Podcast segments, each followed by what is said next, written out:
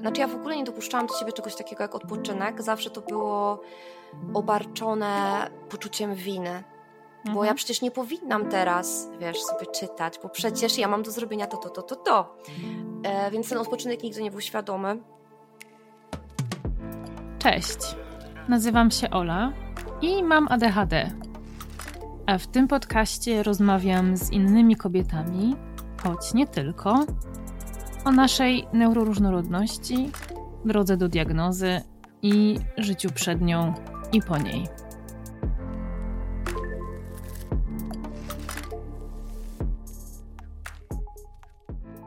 Diagnoza ADHD dla każdego i każdej z nas ma inne znaczenie. Dla niektórych nie jest zbyt istotna i niewiele zmienia, a dla innych może być jak katarzis. I tak właśnie było w przypadku mojej gościni Asi Bystrzanowskiej.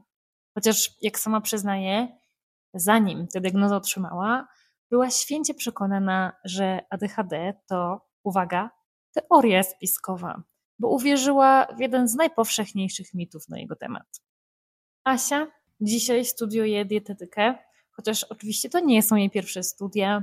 E, Kiedyś dawno temu skończyła marketing i zarządzanie nawet pracowała w zawodzie przez parę ładnych lat, ale to z dietetyką wiąże swoją przyszłość. Pracowała oczywiście w wielu zawodach, w wielu branżach, w wielu miejscach na świecie.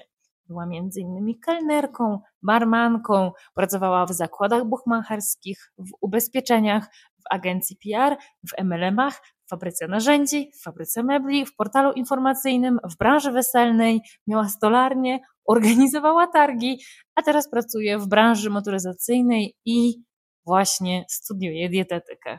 Zmęczyłam się samym recytowaniem tych rzeczy. Wyobraźcie więc sobie, jak męczące musiało być życie Asi do momentu, kiedy dostała diagnozę. Tym bardziej, że moja rozmówczyni od dziecka miała całą paletę objawów. Od zawsze była ruchliwa i gadatliwa, ale też bardzo lękowa. Jej rodzice poszli z nią do lekarza w związku z problemami ze snem, które miała od zawsze, i usłyszeli wtedy, co było absolutną rzadkością, że Asia może mieć ADHD. A w tej rozmowie poruszamy m.in. temat nauki odpuszczania i odpoczywania, w której często jesteśmy absolutnymi mistrzyniami, mis- mistrzami teorii. E, Gorzej, kiedy należy zacząć przechodzić do praktyki. Bo dzisiaj moja rozmówczyni uczy się już, jak rozpoznawać rzeczy, które absolutnie musi zrobić i oddziela je od tego, co może sobie odpuścić.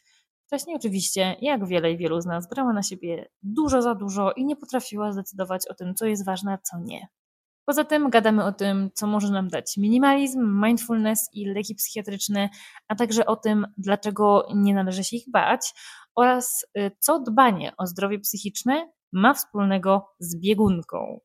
Nie zdradzam więcej, zachęcam Was do wysłuchania całej rozmowy, do wystawienia oceny na platformie, na której tego słuchacie, do zostawienia komentarzy na socialach i do postawienia mi wirtualnej kawy, jeśli macie na to ochotę. Link znajdziecie w opisie tego odcinka. Za każdą formę wsparcia bardzo, bardzo serdecznie wszystkim dziękuję. Cześć Asia. Cześć Ola. Wedle obietnicy zaczynam od bardzo kontrowersyjnego pytania w takim razie.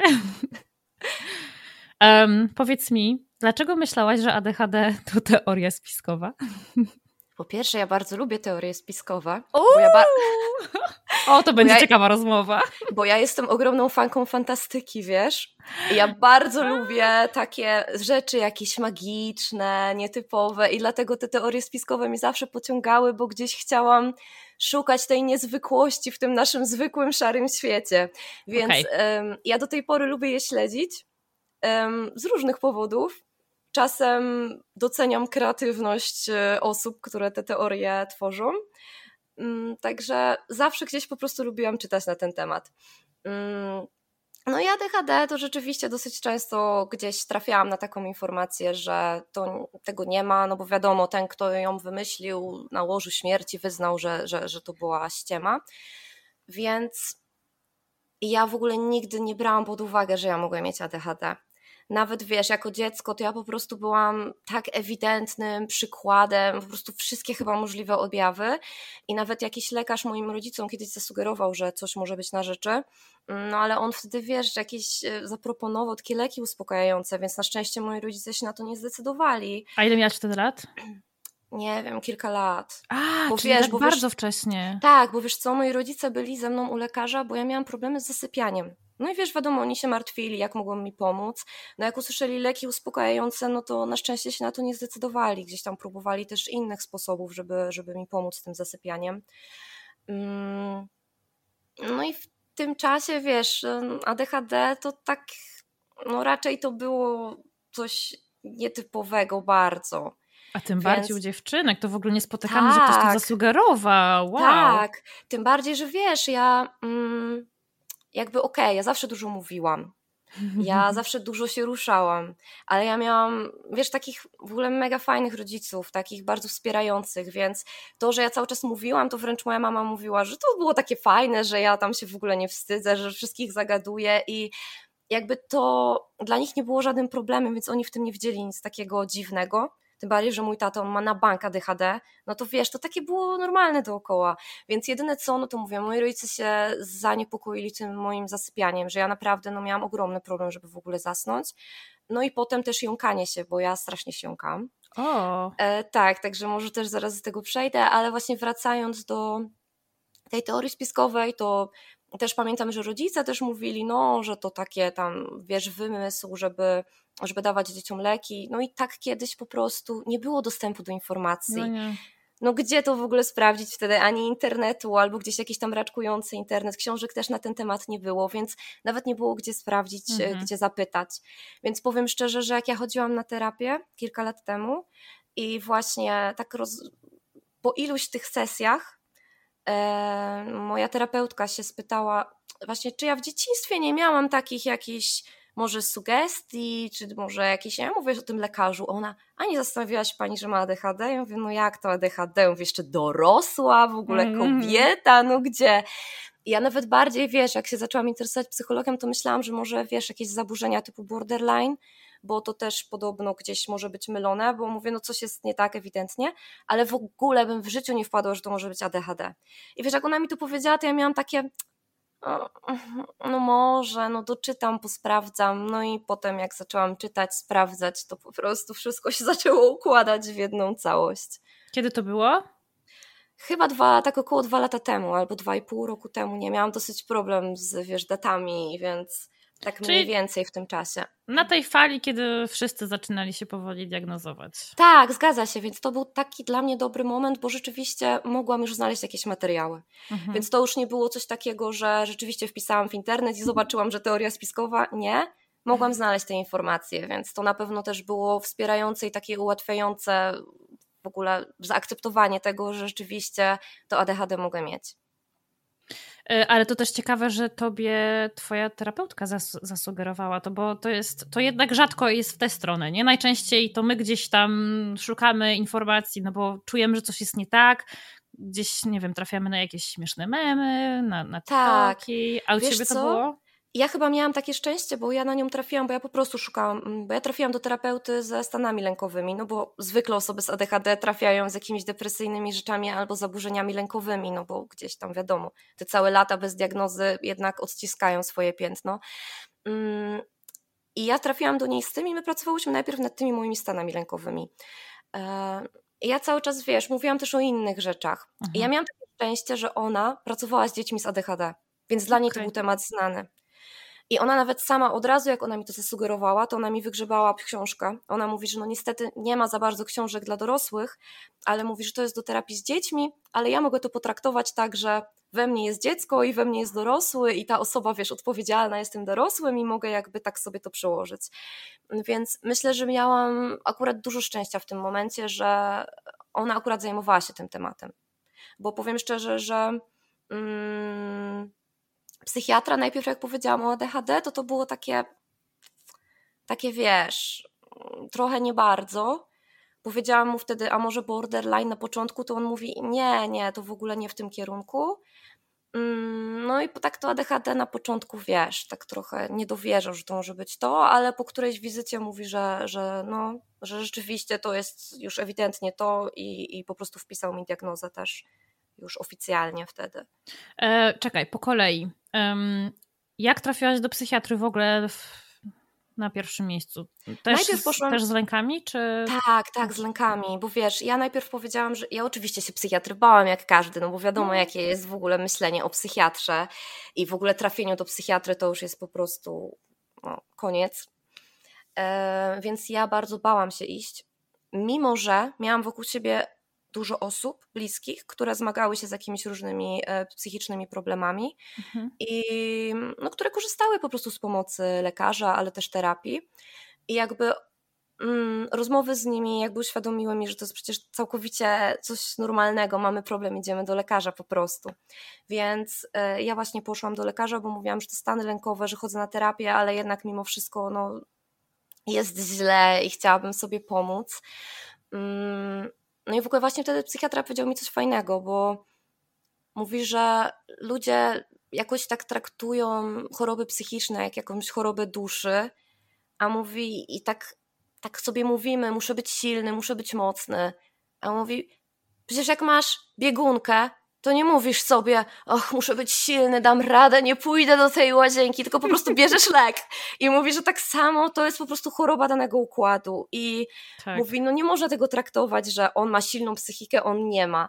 Bo to jest zależne od tak wielu czynników, choćby od jelit, od niedoboru jakiejś witaminy, że naprawdę nie trzeba mieć jakichś nawet traum życiowych, żeby mieć problem psychiczny, bo ja tak trochę miałam takie schizy, a może ja mam jakąś traumę, której nie pamiętam, że coś jest nie tak, że, że no ale nie, no po prostu coś tam no być może to ADHD coś spowodowało, a być może już genetycznie jakieś mam lękowe predyspozycje. Różne mhm. mogą być rzeczy. Mhm. Także tak, trafiłam właśnie do niego, on wtedy mi przepisał takie leki, no wiesz, inhibitory, standard, serotoninę, wychwytu zwrotnego serotoniny. No i rozpoczęłam tą terapię. Już z lekami było dużo łatwiej, bo jakby te lęki mi nie przyćmiewały po prostu jakby to powiedzieć, ja się bałam, że leki mi zmienią osobowość, bo takie są e, też teorie, tak. że zaczniemy brać leki, nie będziemy sobą i ja się tego bałam. I mówiłam to mojej terapeutce, że ja mam te leki wykupione, ja się boję ich wziąć. I mhm. ona mi mówi, ale czego ty się tak właściwie boisz? Ja mhm. mówię, no, że nie będę sobą, że kim ja będę bez tych lęków? A ona mówi, no, no okej, okay, a co się może stać? Kim będziesz bez tych lęków? I ja tak zaczęłam zastanawiać, no w sumie to, to co się może stać? I jakby, wiesz, takie pytanie proste, jakby ona mi powiedziała, nic się nie stanie, to by do mnie nie dotarło, ale że ona mi mhm. zadała to pytanie tak. i ja tak. tak mówię, no, no tak, no co się może stać? No nie będę mieć tych lęków. I rzeczywiście, to co mi powiedziała moja jakaś koleżanka, że ona po tabletkach, jak w końcu jej lęki się skończyły, to ona dopiero zaczęła być sobą. Bo ona dopiero te decyzje zaczęła podejmować z zewnątrz siebie, a nie po prostu, wiesz, nie była zależna od tych takich emocji. Mhm. I ja mhm. nadal oczywiście te emocje w sobie mam, ale one nie są już takie skrajne, już mnie nie paraliżują, więc jak najbardziej leki super sprawa ale oczywiście popłynęłam tutaj mocno w temat. Nie, dobrze, dobrze, dobrze, że o tym mówisz, bo to są takie e, wątpliwości, które często się pojawiają. Ja sama dostaję pytania o to, brać leki, nie brać leków. Tak.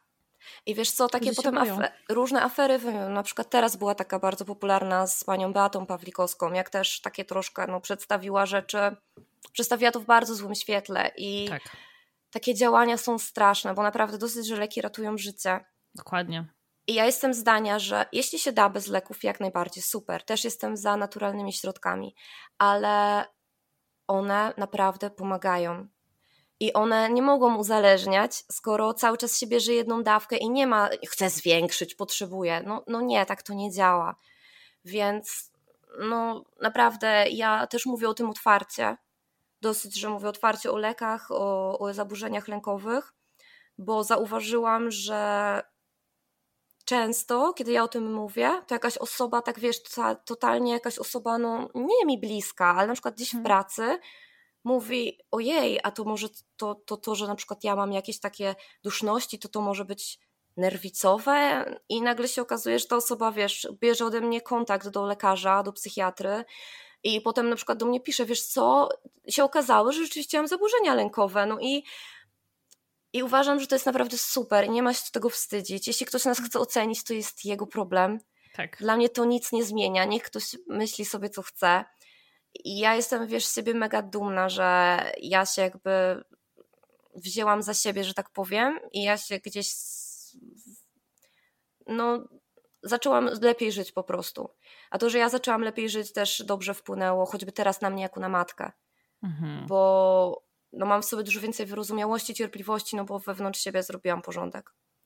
Więc tak. uwa- dlatego też chciałam tutaj się z Tobą spotkać, żeby też otwarcie o tym mówić, bo być może trafię do kogoś, kto też zmaga się z różnymi problemami, a z jakiegoś powodu się boi, bo być może środowisko jego bardzo negatywnie wypowiada się o leczeniu i też słyszy, że wystarczy silna wola i on sky is the limit i tyle. A no bądźmy szczerzy, jeśli coś jest nie tak, to żadna gadka motywacyjna nic nam nie da, może wręcz nas tylko i wyłącznie dołować. Mhm. Bardzo fajnie, że o tym mówisz, bo no, tak jak sama wspomniałaś, jest dużo sprzecznych informacji. I rzeczywiście to porównanie do, do takich problemów zdrowia fizycznego to już było bardzo dosadne, ale rzeczywiście. Um, Obrazotwórcze ja, bardzo.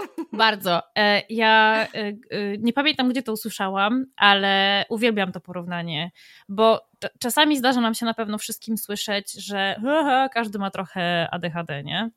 Oczywiście. Um, i moja odpowiedź teraz jest na to taka, że oczywiście i tak samo każdy chodzi do toalety, nie? Tylko, że jeżeli chodzisz do tej, do tej toalety tak. codziennie co 30 minut, to może to wskazywać na to, że jednak jest jakiś drobny problem, nie? Bardzo fajne porównanie. I znowu do tej biegunki na No właśnie dlatego, właśnie dlatego mi się przypomniało. Okej. Okay. Tak, Dobra. coś w tym. no, widocznie ludzie mają potrzebę takiego bardzo, um, bardzo obrazowego porównania. Ale zapada w pamięć zdecydowanie. Dokładnie. Tak, tak, tak, tak. E, a jak u ciebie wyglądało w takim razie twoje dzieciństwo? Bo ty powiedziałaś o tym, że miałaś wspierających rodziców, no jakby to jest dość niespotykane, żeby trafić do specjalisty, który już w tak młodym wieku e, ocenia, że tam coś może być na rzeczy i wskazuje w ogóle na ADHD. Mhm. E, jakim ty byłaś dzieckiem? Bardzo żywiołowym. Jak moja mama wspomina, to po prostu mówi, że mnie było wszędzie pełno. I to dla niej też był taki szok, bo moja siostra, ona jest 8 lat starsza i to było ich pierwsze dziecko. I ona była bardzo spokojna. I oni, mama mówi, że tak jak ją kładła, ona się tam bawiła w spokoju, wiesz, wszystko taka była wymarzonym dzieckiem po prostu. I nagle pojawiłam się ja i moja mama mówi, że po prostu ona była w takim szoku, bo ona nie wiedziała, że tak dzieci mogą się zachowywać. Więc ja cały czas śpiewałam, tańczyłam, skakałam, biegałam, ciągle coś chciałam, non-stop. Ja nie chodziłam do przedszkola, więc, mm, więc wiesz, ja nie byłam w żaden sposób hamowana, bo moja mama zawsze miała takie podejście, dobra, jak chce, to niech sobie śpiewa, jak chce, to niech sobie tam tańczy, więc to było bardzo fajne. Super. Tak, i ja jakby, wiesz, wiadomo, że jakoś tam słyszałam, że jestem szałaput i takie rzeczy, ale raczej ja nie czułam się póki nie poszłam do szkoły, mhm. nie czułam się, że jestem jakaś inna. Nie czułam się, że coś robię źle. Bo moi rodzice, no na pewno ich to denerwowało, szczególnie moją mamę, że ja jestem taka dzika, ale ona mi tak tego nie dała poznać, wiesz? Więc to, więc to dzieciństwo takie wczesne było naprawdę, naprawdę super. No i potem zaczęła się szkoła, no i nagle się okazało, że jednak jestem inna, jednak jestem, wiesz, się wyróżniam, niekoniecznie dobrze, ja nie mogłam wysiedzieć na lekcjach, mnie to wszystko nudziło.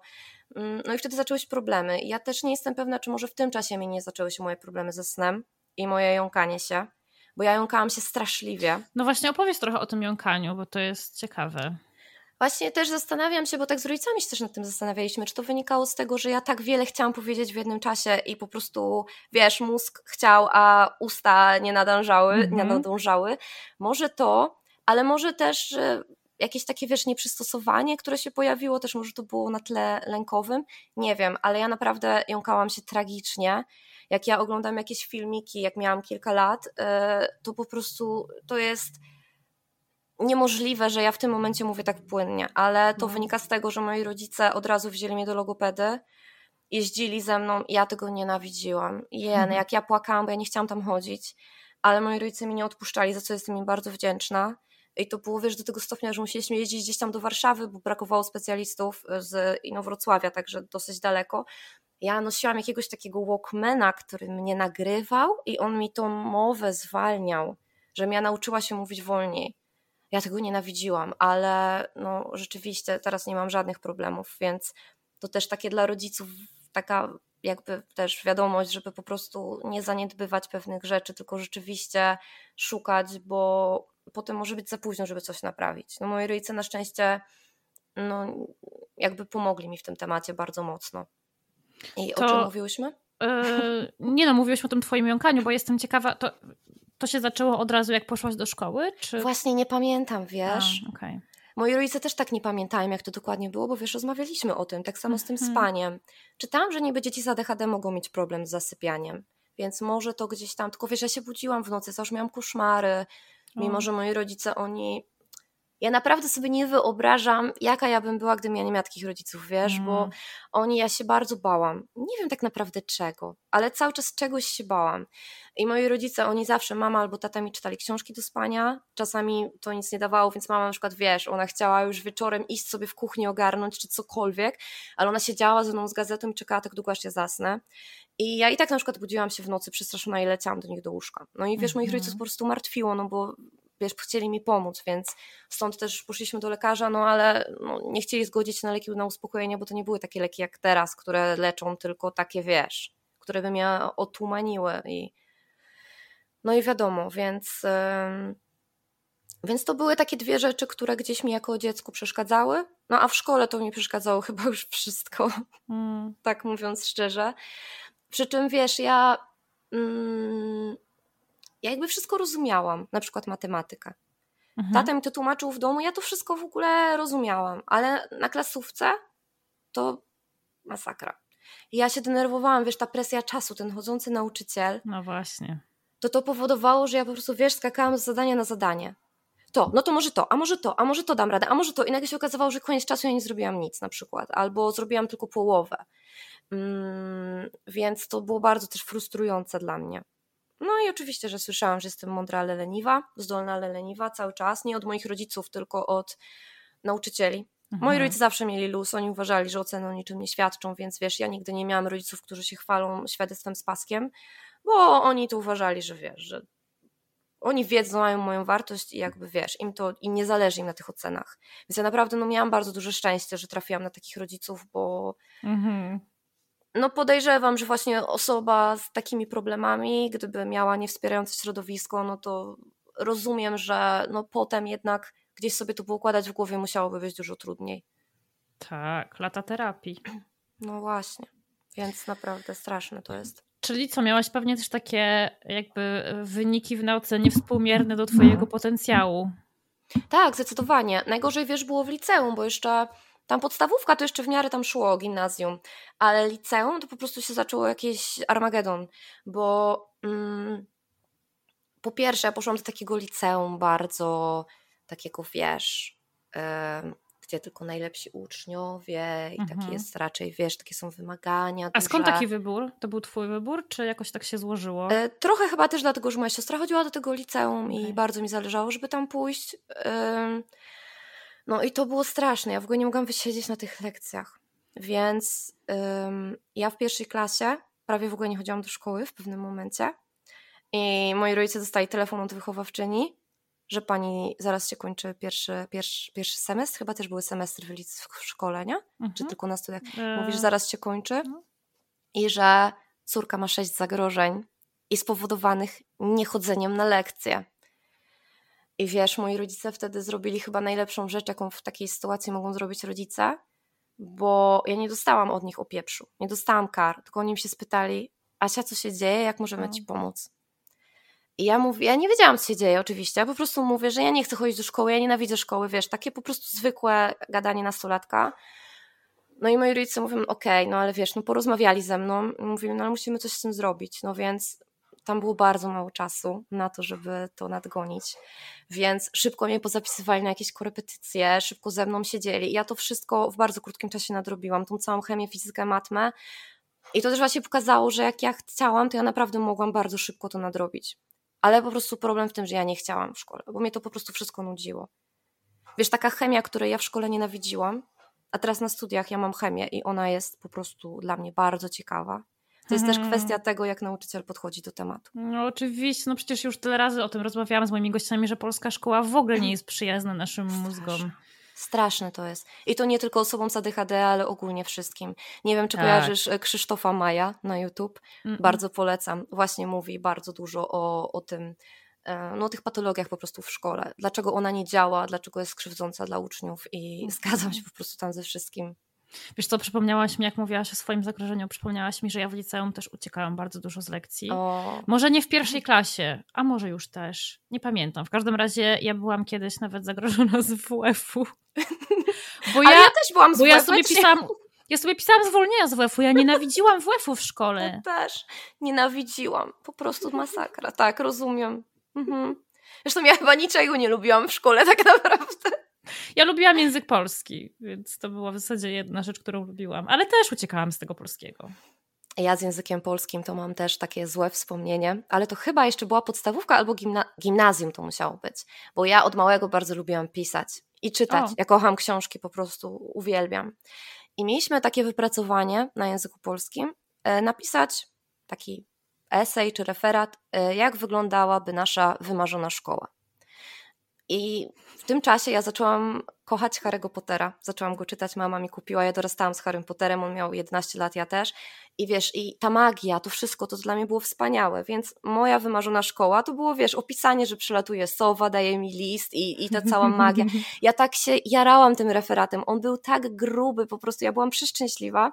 I co? Dostałam przy całej klasie opieprz, że w ogóle co to za głupoty, jakieś magie, tutaj napisał ładnie, do tej pory pamiętam, Marcin napisał tak ładnie, żeby chciał półki, lepsze książki, wygodne krzesła, a tu takie pierdoły i dostałam niedostateczny. Co? I ja powiem Ci, że ja w ogóle długo nie pisałam, ja potem w, e, na studiach zaczęłam znowu tak bardzo intensywnie pisać i ja tak się zastanawiałam, jak to się w ogóle stało, że ja, wiesz, jakby tak porzuciłam i ja sobie przypomniałam tamtą sytuację. I ja mówię, kurde, czy to jakby nie miało wpływu? Ja pamiętam, że mi było tak przykro, bo ja byłam taka dumna z tego mojego wypracowania, nie? No ale widzisz, no. Jak zabić kreatywność dziecka w, w Tak, tak, tak. Dlatego no ja naprawdę szkołę wspominam mega źle. Studia już okej, okay, ale to już jest zupełnie inny rodzaj nauki, ale szkoła to po prostu historia, ona była taka nudna, ja nie mogłam przez to po prostu przejść. A teraz ja kocham historię, kocham w ogóle czytać książki historyczne, mnie to tak wszystko interesuje. Nadal nie pamiętam dat i, i nazwisk, ale mnie interesuje to wszystko, te intrygi, jak to się działo, dlaczego, dlaczego było tak, dlaczego inaczej. No przecież to jest bardzo ciekawe, tylko nauczyciele go nie potrafią przekazać. Mhm. No. Ja nie znałam matury z historii, poprawiałam. Okej. Okay pisemną. Rozumiem. Nie uczyłam się, nie umiałam się uczyć mhm. i powiem ci, że do, dzisiaj na przykład e, mogłabym starać się obywatel, o obywatelstwo brytyjskie Mhm. Wielu moich znajomych tutaj to robi wokół mnie, bo już mieszkam tu tyle lat, ale wiesz, co mnie powstrzymuje? Mhm. Znaczy, jedną z wielu rzeczy poza biurokracją i tym, że mam e, no, upośledzone funkcje wykonawcze, powstrzymuje mnie to, że musiałabym się przygotować do egzaminu z takiej wiedzy ogólnej o Wielkiej Brytanii i tam jest o. bardzo dużo historii i mnóstwo dat.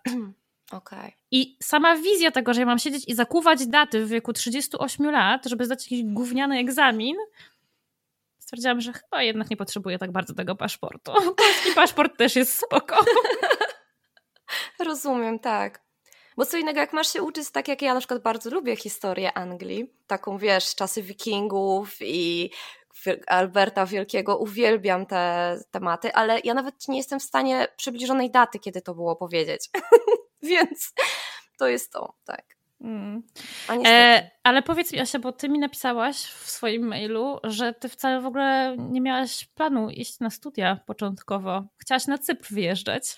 Tak, bo wiesz, moja siostra mieszkała na Cyprze. Okay. ja jeździłam do niej w każde wakacje od 17 roku życia. Jeździłam tam w wakacje, ferie zimowe. No i to było wiesz, dla mnie takie marzenie, że ja skończę w końcu tą złą szkołę i ja po prostu wyjeżdżam tam i wiesz, będę żyć w ciepłym kraju, wszystko fajnie. Ale koleżanka bardzo mi namawiała na te studia. Ona mówi, Aśka, idź na studia, co ty tam byś siedzieć całe życie, pracować w restauracji, idź na studia.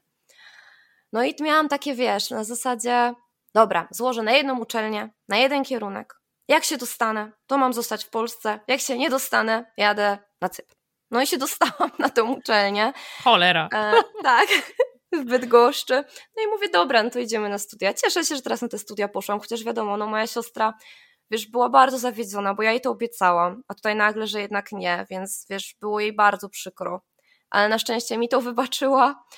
E, no i poszłam na te studia. Mm, wspominam je ok, mieszkałam w akademiku, poznałam mnóstwo bardzo fajnych osób.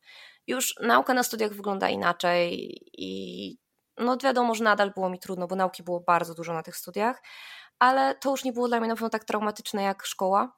Chociaż może traumatyczne jest trochę za duże słowo, ale no takie wiesz, związane ze złymi wspomnieniami. Mhm. Ale oczywiście, że studia też rzucałam w międzyczasie kilkukrotnie. Um, jakoś, Ilukrotnie? Wiesz co, nawet nie wiem, ale to były takie, wiesz, skrajne rzeczy, że ja już obwieściłam na uczelni, bo poznałam chłopaka z Nowego Jorku i ja tam wyjechałam, więc obwieściłam na uczelni, żegnajcie, ja teraz lecę do Stanów i w ogóle już mam gdzieś tą szkołę, po czym wracam na te studia. I wiesz, pierwsze pytanie, deportowali cię? Ja mówię, nie, nie, jednak dokończę te studia. Chłopak mnie w tyłek kopnął. Także tak, dokończyłam te studia. Mm, no a teraz jestem na kolejnych po 10 latach, więc mam nadzieję, że te dokończę też. I czujesz, że inaczej jest teraz po tych wielu latach już z tą świadomością też tego, że masz ADHD i z całym tym zapleczem. Tak, tak. Czy w ogóle to jest też to, że tam ja byłam na zarządzanie i marketing, wtedy takie mega modne studia. Wszyscy to wtedy studiowali, tak? Tak, zgadza się. A ja wiesz, ja, znaczy ja pracuję 11 lat w marketingu ogólnie i ja, ja gdzieś tam czułam, że to jest dla mnie. No okazało się, że, że totalnie nie.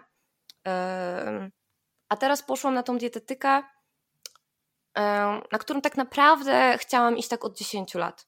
Czułam, że to jest dla mnie, że to jest fajny temat, że mnie to interesuje. No ale jakoś tak, no wiesz, y, no mówię, no znowu iść na studia, no gdzie, w takim wieku, jak to? A potem tak jakoś poczułam, że, że może warto jednak to życie zmienić, że w zasadzie co całe życie będę w tym marketingu albo gdzieś, nie wiem, pójdę do sprzedaży jeszcze gorzej. Mm, ja pracuję w sprzedaży. ja pracowałam i po prostu dla mnie to jest bardzo trudne. Bardzo mhm. trudne dla mnie to jest, no. I wiesz, i potem mój chłopak ma chorobę taką układu pokarmowego i powiem ci, że został przez dwóch lekarzy tak trochę potraktowany, wiesz, po macoszemu. Tu masz leki i, i nara. Jak on się mhm. pytał, no to jest układ pokarmowy, co mam jeść? Według piramidy żywienia i wszystko. I ja tak mówię, kurczę, może zacznę czytać. No im więcej zaczęłam czytać, tym bardziej mówię, a może by tak rzeczywiście w to pójść, no bo jednak może czas. I to też była taka decyzja, dobra, składam te papiery, nikomu nic nie mówię, idę. Mhm. No i jak poszłam na te studia, to zupełnie inaczej, zupełnie inna świadomość, wiesz, widzę nawet, ja jestem, ja jeszcze jedna dziewczyna, jesteśmy najstarsze i my naprawdę, wiesz, chodzimy na te studia, bo my się chcemy czegoś nauczyć. No i widzę, jaka to jest różnica, bo po pierwsze mnie to wszystko interesuje, więc ja aż przesadzam, bo po prostu non-stop czytam, non-stop słucham jakichś podcastów, webinarów, bo po prostu ciągle mi mało. A mhm. jak to było inaczej, kiedy ja musiałam się uczyć czegoś po prostu, co jest no, nieinteresujące. A tutaj to wręcz po prostu aż nie umiem sobie powiedzieć stop, bo wiesz, mam się nauczyć jakiegoś zagadnienia, ale od razu jest a to wynika z tego, a to z -hmm. tego, a mhm. tu jest to, a może jeszcze przeczytam o tym, nie? I nagle po prostu się okazuje, że dotarłam do jakiegoś w ogóle tematu niezwiązanego z tym ogólnym. Mm, także to jest zupełnie inaczej w tym momencie. Już jest trzeci rok, więc jestem kujonką, wiesz, ja, to jest w ogóle niesamowite, bo ja zawsze byłam takim uczniem przeciętnym, a tu nagle, wiesz, ja mam prawie same piątki, nie? I inni studenci się śmieją, że ja kujonka jestem. Mówię, o jeny, mówię, ja w ogóle to jest takie, wiesz, dziwne, że, że rzeczywiście można jak się chce. Hmm. Przypomniałaś mi moje doświadczenie, jak wróciłam na chwilę na studia w wieku, co prawda nie, nie, nie, mm, nie byłam po 30, miałam ile lat? Z 25, 6. Postanowiłam wrócić na studia w tym wieku, mieszkając w Paryżu. No i trafiłam, wiesz, na jeden rok z osobami, które miały po 18 lat. E, o, zamroziło cię. Halo. Halo, halo, halo. Halo, halo. Znowu zrobię klapsa. Wracamy po przerwie technicznej. Ja w ogóle nie wiem, o czym, na, czym, na czym stanęło. Aha, ja chyba opowiadałam o moim, o moim doświadczeniu powrotu tak. na studia w wieku 25 czy 6 lat. Mhm. I pamiętam, pamiętam, jaki to był koszmar, bo mm, ja byłam tam z 18-19-latkami, głównie 18-latkami. To były dzieciaki, które mhm. wiesz, poszły na studia, no bo tak trzeba, wcale niekoniecznie tak. to były ich pierwsze studia z wyboru. Mhm. Um, no, nudzili się tam. Nie bardzo, nie za bardzo ich interesowało to, co się działo. Ja miałam mhm. wrażenie, jakbym trafiła znowu do, do, do liceum w ogóle. O, rozumiem. To było okropne. Długo to nie trwało. Studiowałam chyba jeden semestr i złapałam... Nie dałeś rady. Nie, a poza tym złapałam hiperfokus na serial Lost. Aha. I jak zaczęłam go oglądać, to po prostu przepadłam i przestałam na zajęcia. I stwierdziłam, w sumie to już mi się nie chce tych studiów robić. To była dobra argumentacja, słuchaj. Też lubiłam ten serial. Mój mąż się ze mnie tak śmiał, że ja po prostu przestałam chodzić na studia, bo zaczęłam oglądać serial. Ojej, rozumiem, rozumiem. Ja mam takie fajne szczęście e, akurat na tych studiach, że właśnie jest dziewczyna, która jest troszkę starsza ode mnie. I my jakoś tak, wiesz, od początku, bo najstarsze, bo obie dzieci i już tak, i od razu zapałyśmy taki flow wspólny. I no, my się cały czas wspólnie motywujemy, jeździmy razem na jakieś szkolenia, więc to też bardzo dużo daje i no, to jest super właśnie mieć kogoś takiego. Mhm. Bo mamy na studiach 11 osób tylko. A, to faktycznie. E, no, to faktycznie mała grupa. E, tak, ale to jest jednak zupełnie inna jakość, kiedy wraca się do nauki czegokolwiek w wieku tam, nie wiem, e, powyżej 25 roku życia, kiedy tak naprawdę tak. wiesz już, co cię interesuje, wiesz, czego tak. chcesz. Nie robisz tego, bo, bo tak, bo, bo trzeba, tylko robisz to naprawdę dla siebie. Tak, i wiesz, po co w ogóle to robisz, a nie tak jak mówisz, bo wypada, bo tak jak ja w te pierwsze studia to było na zasadzie, no dobra, zrobię, bo, bo, bo zrobię. I to takie było właśnie, takie byle jakie potem te studia były całe. Hmm. Um, a powiedz mi, Asia, ile razy w życiu zmieniałaś pracę? Próbowałam to policzyć przed naszym podcastem, ale się pogubiłam. Na, na, na jakiej cyfrze stanęło? Wiesz co, takie spektakularne odejścia, takie, że po prostu typowo impuls miałam trzy, ale to takie najbardziej spektakularne, wiesz, że w Szczecinie, jak się wyprowadziłam do Szczecina też z dnia na dzień i tam miałam pracę i tam był taki dziwny właściciel tej, tej, tego dziwnego przybytku. Tam jakieś takie niby było, nie, nie wiem, jakiś call center, ale to było jakieś takie dziwne. Mi nie chciał dać umowy, wiesz? I ja po mhm. miesiącu mhm. mówię, że nie będę pracować na czarno i że chcę tą umowę, tak jak się umawialiśmy. A on, jak ci się nie podoba, to możesz wstać i wyjść. No to oczywiście co zrobiłam? Wstałaś i wyszłaś. Więc to tak. E, też moja ostatnia praca tutaj w Inowrocławiu, też wyglądało to podobnie. Mm, znaczy było wszystko w porządku ogólnie, ale ja też jak zaczynałam pracę, to się pytałam, bo to było trochę sprzedaż, trochę marketing. Mhm. I ja mówię, że okej, okay, tylko powiedzcie mi od razu, czy ta praca nie wiąże się z delegacjami. Bo ja mam małe dziecko, i ja jakby nie godzę się na wyjazdy, więc jeśli tu będą wyjazdy, to jakby wiecie, no ja się nie nadaję. Nie, tutaj nie ma żadnych wyjazdów, spokojnie. No i potem się okazało, że są targi, ale te targi były dwudniowe. No to mówię, okej, okay, no dwa dni, no to spoko, nie? No Franek został z Frankiem, ja z, Franek został z Frankiem. Kuba został z Frankiem, mój chłopak z naszym synkiem. E, no i te dwa dni były ok, no ale potem się okazało, że następne targi są w Niemczech i one miały trwać, ja nie wiem, czy 12 dni, coś takiego. Wow. Ja od razu 12-dniowe targi? Wow! Tak, to są, znaczy, wiesz co, one tam chyba trwają 8 dni, ale łącznie z tymi dojazdami, z tym rozkładaniem, ze składaniem, to my tak liczyłyśmy, że to wyjdzie chyba właśnie 12 dni. Wow. I ja mówię, że absolutnie nie, że ja w ogóle, w ogóle nie ma takiej opcji, żebym jechała. Wiesz, ja od początku mówiłam, że ja na te targi nie pojadę. Mm, zresztą mówię, mnie ustawa chroni, ja mam dziecko tam, wiesz, dwuletnie, to, to w ogóle... I ja nie, i chciałam być w porządku i mówię, że to zróbmy tak, że ja pojadę na pół tych targów, bo nikt nie chciał na nie jechać. I jakby wymienimy się dwie ekipy, pół i pół, nie? Pan tam po ileś dni. Nie, nie ma opcji. A jak nie pojedziesz na te targi, to możesz odejść. No to poszłam od razu, mówię, dobra, składam wypowiedzenie, mówię, i ja nie znoszę szantażu, mówię, mm -mm. no i też od razu złożyłam to wypowiedzenie i po prostu, no takich odejść miałam kilka, też na Cyprze miałam, I to było chyba najlepsze, bo pracowałyśmy razem z moją siostrą i właściciel e, tam kogoś nie było i byliśmy tylko we dwie, więc on powiedział, że mamy pracować po 16 godzin dziennie. I my kilka dni tak pracowałyśmy, w końcu mówimy, że nie damy rady. Wyszła jakaś awantura i my po prostu stwierdziłyśmy, że odchodzimy i od teraz będziemy żyć z hazardu. I przez dwa tygodnie żyłyśmy z hazardu. Co? Bo my tam często grałyśmy w pokera, wiesz? No i chodziłyśmy sobie po tych, wiesz, tam grałyśmy w pokera i było fajnie ogólnie. No wiesz, byliśmy młode, nie miałyśmy dzieci, żadnych zobowiązań, to zupełnie inne podejście teraz, to bym tak nie zrobiła. Mm. Ale ale tak, żebyśmy z tego hazardu, a po dwóch tygodniach ktoś do nas odezwał, że wiecie co, jest praca na pół etatu, fajna, może przyjdziecie i weszmy z takim fochem, no dobra, już pójdziemy do tej pracy. Ale to były naprawdę, wtedy na Cyprze naprawdę zżyło się super, było fajne wynagrodzenie, więc no to, to było ekstra. Teraz już tak dobrze nie jest, ale akurat trafiłyśmy w dobry moment, więc rzeczywiście takie, mm, takie szalone rzeczy były wtedy, wiesz, możliwe. No dobra, czyli pracę zmieniałaś często, a w jakich branżach pracowałaś? Jesteś w stanie tak w ogóle wymienić je wszystkie na jednym wydechu? Czy? Wiesz co, głównie marketing, okay. ale też sprzedaż. Um, oprócz tego, wiesz, jakbym miała liczyć te wszystkie na Cyprze, te restauracje, te zakłady bukmacherskie, puby, no to wiesz, tego naprawdę by było mnóstwo. Ja zawsze się łapałam e, na takie rzeczy jak jakiś, nie wiem, udział w tych komisjach wyborczych. Kiedyś to było takie modne, że młode osoby mogły iść, więc dla mnie to było super, tam chyba się stówkę dostawała, a po prostu się tam, wiesz, siedziało.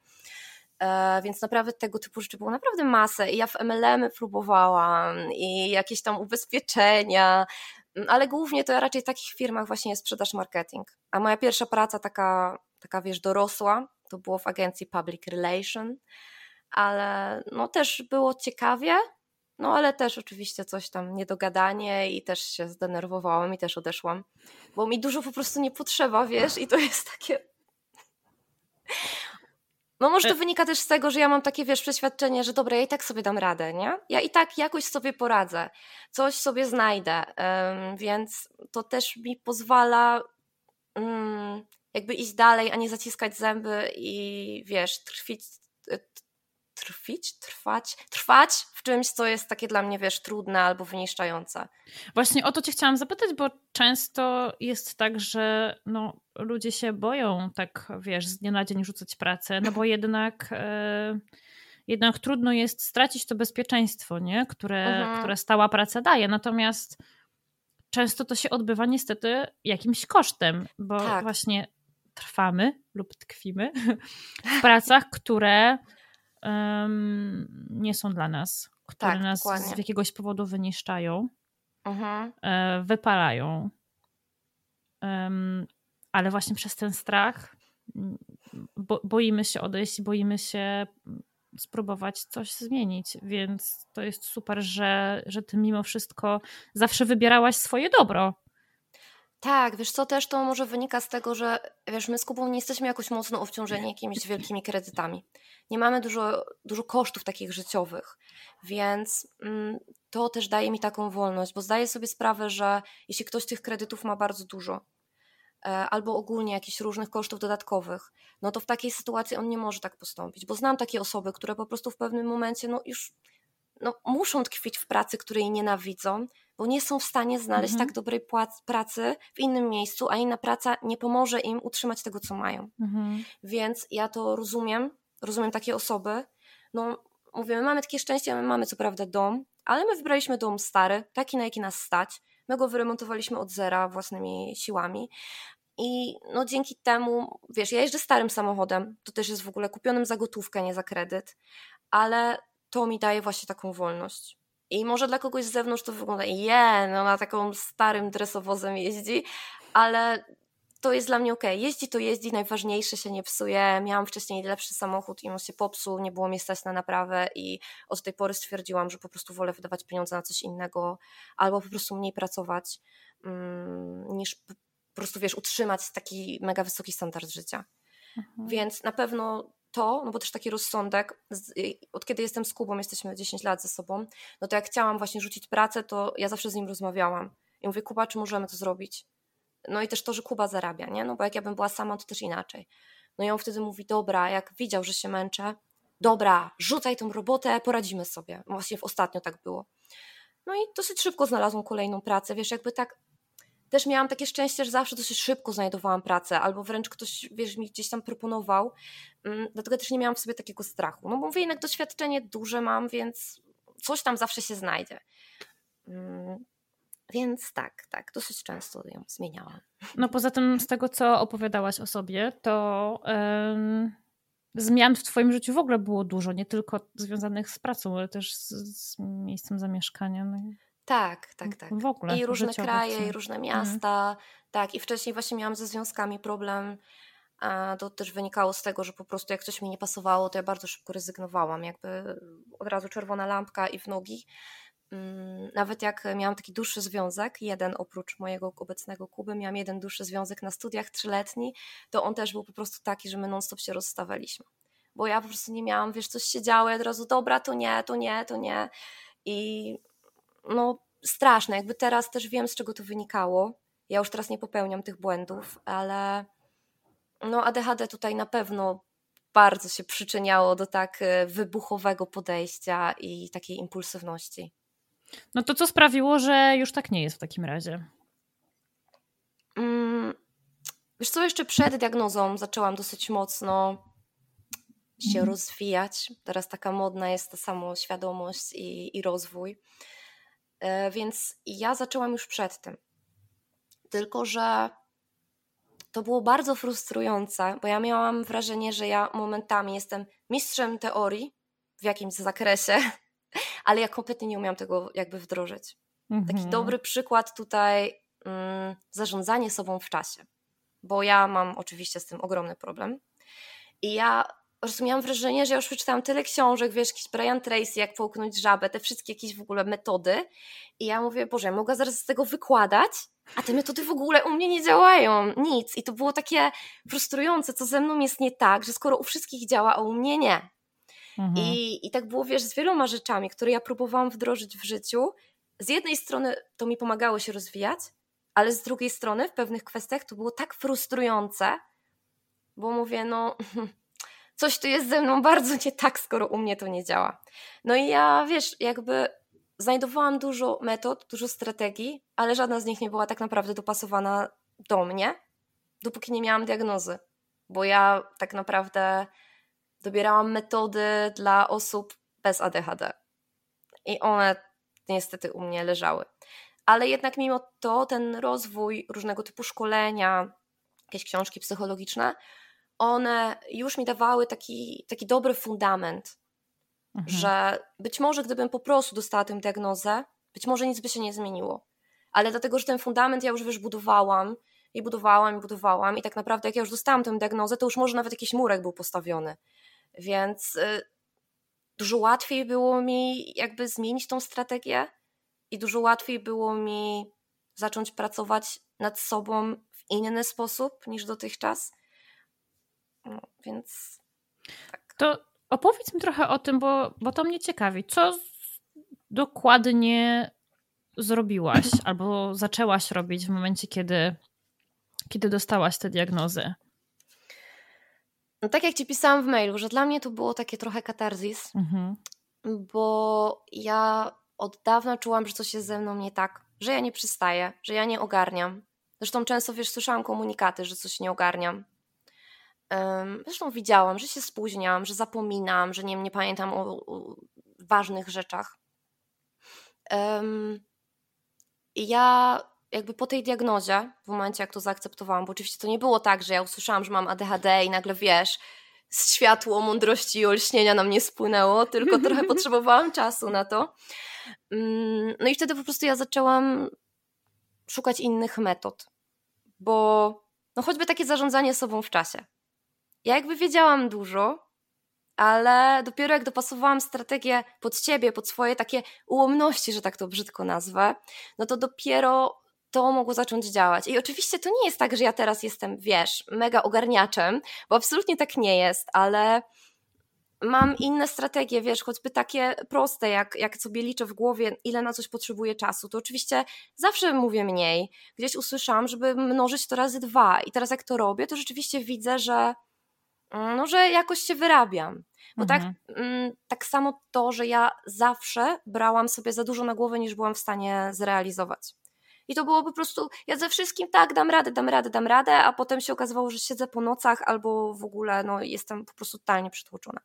A jak już, by, już wiedząc, że w ADHD tak jest, no to zaczęłam się tak hamować, nie? Tak dawać sobie takie stop i zastanawiać, ok, ale czy ja na pewno dam radę? Czy to jest w ogóle realne? Albo na przykład przestałam odpowiadać wtedy, tak, spoko, tak, jedziemy, jedziemy, umawiamy się, robimy, działamy, tylko mówię, daj mi to przemyśleć. I ja na przykład y, rozmawiam, często na przykład rozmawiam z moim Kubą, bo on jest taki właśnie bardziej spokojny, bardziej strategiczny, on lubi wszystko przemyśleć. I ja wtedy mówię: Słuchaj, na przykład mam propozycję jakiejś dodatkowej pracy albo jakiegoś wyjazdu, możemy to przedyskutować, i wtedy wiesz, siadamy, rozmawiamy, i to pozwala mi takiego dystansu nabrać. Mhm. I dopiero podjęcia takiej decyzji nieimpulsywnej. Bo wcześniej nadal to oczywiście robię, że czasami ktoś mi coś proponuje, mówię, tak, działamy, a potem mam takie, o Jezu, jak się teraz z tego wywinąć, aha, po prostu, wiesz. E, także no taki, wiesz, dobór strategii, tak samo, wiesz, przestałam na przykład walczyć z bałaganem, to znaczy nie, że sobie pozwalam teraz na totalny syf, bo to nie o to chodzi, tylko że ja zawsze miałam z tym problem. I ja też podchodziłam do tego tak, że po prostu jakoś trzeba to nauczyć się odpowiednio segregować, odpowiednio składać ubrania, takie wiesz, techniki, które no, były dobre na chwilę.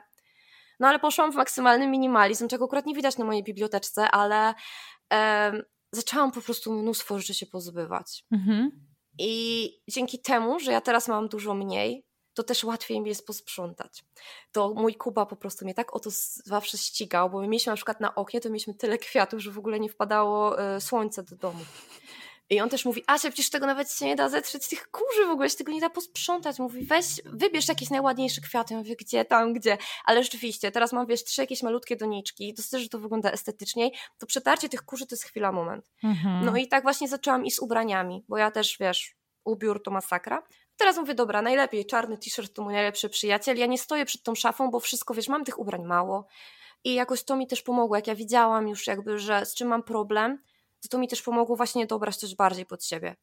Tak samo nie wiem, jakieś takie rzeczy jak malowanie paznokci. Ja, ojej, takie w ogóle dbanie o siebie, właśnie malowanie, makijaż, to no to zawsze było moim ogromnym problemem. Zwykle to wyglądało tak, że już pomalowałam te paznokcie, to potem, wiesz, one mi schodziły, ten lakier jakiś zostawała jedna kropeczka i ja się w ogóle, wiesz, nie miałam kiedy tego ogarnąć.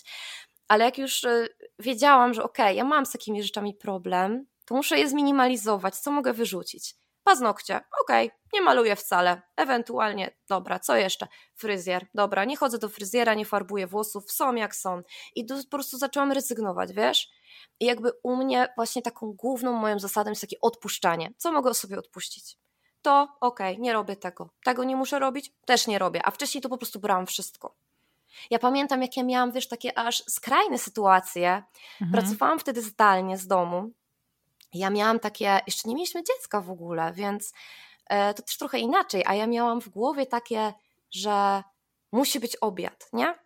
choćby, wiesz, choćby nie wiadomo, co ja muszę ten obiad zrobić. Takie przekonanie miałam w głowie.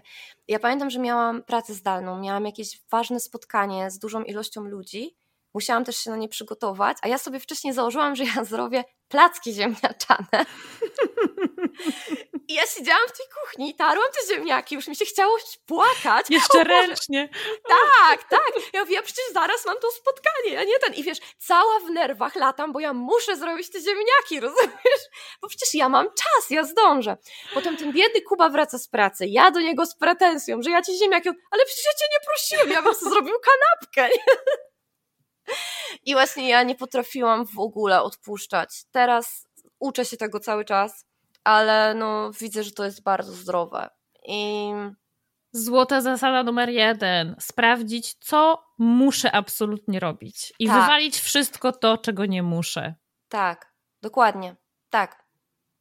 Miałaś, taki problem, miałaś taki problem z odpuszczeniem takiej kontroli nad rzeczami? Bo ja często się spotykam tak. z tym, że kobiety mają takie poczucie, że no tak, ale ja najlepiej posprzątam mieszkanie, ja najlepiej ugotuję. Jakby to są dziewczyny, które mają mnóstwo na głowie, bo tak jak ty i ja i wiele z nas nie potrafią powiedzieć, kiedy już jest, kiedy już jest za tak. dużo, mhm. ale nie są w stanie odpuścić tej, tej kontroli i oddać tak. chociaż trochę mhm. tej drugiej stronie. Tak, ja tak na przykład miałam z dzieckiem na początku, że ja wręcz miałam takie, wiesz, że no, że wszystko ja. A potem pretensja, dlaczego wiesz, dlaczego Kuba nie robi? Mhm. A przecież no z czego to wynikało? Z tego, że jak on chciał, to ja nie, nie, ja zrobię, ja tutaj ten, nie? Bo ja wiesz, ja tutaj wszystko najlepiej. Hmm, chyba mocno mi się w głowie pozmieniało, to mogło być, no to musiało być dwa lata temu, bo to było właśnie wtedy na terapię trafiłam. Wiesz, już było dziecko. Hmm, mieliśmy firmę, bo my mieliśmy jeszcze stolarnię. I wiesz, Kuba siedział cały czas w tym warsztacie. Ja mhm. tutaj siedziałam z małym dzieckiem, bo nie chciałam go dać do żłobka, no bo wiadomo, przecież ja najlepiej go ogarnę. Mhm. Um, więc byłam cały czas z moim małym, bardzo wymagającym synkiem. E, wszystko ogarniałam takie firmowe rzeczy. Dodatkowo miałam pracę zdalną. I jeszcze sobie wymyśliłam, wtedy organizowałyśmy z moją koleżanką targi weselne, alternatywne A, w Bydgoszczy. Tak, więc organizowałyśmy te targi. Do tego, wiesz, było trzeba robić jakąś sesję, bo oczywiście ona, ona raczej też ma ADHD, ostatnio z nią o tym rozmawiałam. Oczywiście wszystko musiałyśmy zrobić najlepiej, my wszystko ogarniemy. E, w tym czasie e, dostałam od rodziców Thermomixa. To też jest ciekawa historia, ale prezent ślubny, bo stwierdzili, że już chyba ślubu nie dostaniemy, więc to jest prezent ślubny. Dostałam tego Thermomixa i mówię, w sumie to, to jest fajne, to ja chyba zacznę go sprzedawać. Więc zaczęłam się na szkolenia z tego Thermomixa. I Poczekaj, czyli miałaś pracę na etat, e, znaczy to, ogarniałaś, no. ogarniałaś e, wasz biznes, e, organizowałaś targi i jeszcze sprzedawałaś Thermomixa jednocześnie. Znaczy nie sprzedawałam w ogóle, bo tylko zaczęłam robić sobie szkolenie, wiesz? A. Okay. O, o, tylko zrobiłaś szkolenie, okej. Okay. Ja w tym momencie, słuchaj, po prostu tak mi się zaczęły takie fest stany lękowe, takie duszności znowu zaczęłam dostawać, bo po prostu ja, ja nie potrafiłam nic z tego odpuścić, bo wszystko było ważne. Mhm. Ja już wiesz, nie spałam po nocach. E, nerwowa byłam okropnie, byłam po prostu straszna. E, w tym czasie, wiesz, e, no wszystko po prostu szło nie tak, więc gdzieś tam kryzys nam się w związku też zaczął, taki w zasadzie pierwszy, nie? I to też było trudne bardzo. Mm, tutaj to małe dziecko, dla którego ja chciałam być jak najlepszą matką, a widziałam, że po prostu ja nie ogarniam, nie? I ja jeszcze, wiesz, te wszystkie tam zasady Montessori, wszystko po prostu musi być idealnie, zero bajek, nie? Bo po prostu, wiesz, muszę być matka wzorcowana medal. I po prostu powiem ci, że mnie tak rozwaliło wtedy, tak totalnie, że ja po tych targach jakby tak ze mnie zeszło, że ogarnęłyśmy to. I ja tak miałam, nie, mówię, ja po prostu, mówię, nie mam siły w łóżka stać w ogóle. Mhm. Ja na nic nie mam siły. Mówię, i ja nie jestem w stanie nic zrobić. Ja przestałam telefony odbierać kompletnie firmowe. Wiesz, klienci dzwonili co z ich zamówieniem, a ja po prostu nie byłam w stanie odebrać telefonu. Po prostu mówię, ja nie jestem w stanie z nikim rozmawiać. I no wtedy właśnie poszłam do psychologa, wtedy też zaczęłam brać leki, e, które mi pomogły, bo ja po prostu, wiesz, miałam cztery takie dni, że ja chodziłam, non stop chodziłam, bo ja czułam, że zaraz coś się stanie, zaraz coś złego wow. się wydarzy. No i mówię, no nie, trzeba wziąć te leki. Kuba mi wtedy po prostu też gdzieś mocno mnie wspierał w tym i jeszcze przecież ja się źle czułam, ale ja nie chciałam, żeby dziecko to widziało, nie? No tak. Więc i ja wiesz, przy dziecku to po prostu du, du, du, du, du, du, a wiesz, się potem szłam i po prostu mówię, Boże, przecież zaraz po prostu wybuchnę tutaj. Mm, no i zaczęłam rezygnować z tych wszystkich rzeczy. E, jednak. Wtedy, tak, i wtedy też poczuliśmy oboje po długich rozmowach, że jednak firma też nas wykańcza, bo mhm. to jest ciągła praca, że my się tak naprawdę to kłócimy głównie o firmę. Mhm. I że po prostu mówię, zamykamy, zamykamy stolarnię. Mówię, ja Thermomixa nie idę, bo ja się nie nadaję do takich sprzedaży. Targi, mówię, odpuszczam w ogóle branżę weselną i mówię, koniec, mówię, wszystko od nowa. I powiem Ci, że tak jak zaczęłam po tym czasie tak yy, znowu przyjmować jakieś rzeczy, to od razu mi się czerwona lampka pali. Mhm. Bo się boję po prostu, że znowu się tak zawalę jak wtedy że znowu sobie za dużo wezmę na głowę i że znowu doprowadzi to po prostu do takiej sytuacji, gdzie po prostu już organizm nie wytrzyma. Więc to na pewno była dla mnie bardzo duża lekcja i mam nadzieję, że już nigdy tego błędu nie popełnię. Przypomina mi ta twoja historia, y, trochę historię Kasi Biernat-Stanaszek, która, z którą rozmawiałyśmy o macierzyństwie, mhm. u której bardzo podobnie to wyglądało w momencie, kiedy y, zaczęła być mamą. E, bo też brała na siebie mnóstwo dodatkowych rzeczy i też chciała być idealną, taką książkową mamą, jaką sobie, mhm. jaką sobie wymyśliła. Mm, no i oczywiście takie rzeczy nie odbywają się bez dodatkowych kosztów, nie? Tak, wszystko jest kosztem czegoś. Ja w ogóle mam wrażenie, że mm, jakby szkoła była jednym takim z trudniejszych momentów, ale takim już apogeum to właśnie było macierzyństwo. Mm. Bo i ja mam wrażenie, że ja jakoś ogarniałam, było mi ciężko, ale to było na zasadzie, że jak ja już się zmuszę, to już jest ten moment, to ja już to zrobię. A tu nagle się okazywało, że ja muszę coś zrobić. Ja już się w końcu zmusiłam, siadłam, a tu nagle się dziecko obudziło. Mhm. I nagle się okazywało, że mi jest ciężko bez dziecka cokolwiek zaplanować, a tu nagle się okazuje, że jest jeszcze mały człowiek, którym muszę się cały czas zajmować, którego nie chcę zostawiać, wiesz, żeby płakało, bo takie metody są po prostu moim zdaniem okropne, mhm. więc y, wiesz, ja nagle no, nie mogłam zrobić nic i ja siedziałam wtedy też po nocach, no bo to był jedyny czas, rano byłam nieprzytomna, byłam zmęczona, wkurzona na cały świat, więc to wszystko było nie tak, jak być powinno. I chyba właśnie ADHD może w tym momencie właśnie takiego, no takiej zmiany dużo jak macierzyństwo może chyba najbardziej gdzieś wyjść, te mhm. jego problemy, takie no wiesz co mam na myśli, nie? Tak, tak, tak. Często w czasie tych takich ważnych zmian te cechy, mhm. te, te, te cechy um, objawy dochodowe wychodzą na światło dzienne, bo to są momenty, w których te nasze dotychczasowe strategie po prostu przestają mhm. działać. No bo, tak. przepraszam bardzo, ale kiedy w momencie, w momencie, kiedy pojawia się właśnie mały człowiek, który jest od ciebie w 100% zależny, którym, któremu musisz poświęcić e, całą swoją uwagę, no, tak. no, no, no jak, masz, jak masz te zasoby zużywać na pilnowanie tych strategii, które wypracowałaś sobie do tej pory? Tak, dokładnie. No to, to jest... jak sobie rodziłaś na początku macierzyństwa w takim razie? Na początku źle, ale w tym kontekście, że z jednej strony ja bardzo się cieszyłam tym macierzyństwem, mhm. bo my bardzo chcieliśmy mieć dziecko, więc to był, wiesz, taki nas wyczekany po prostu synuś.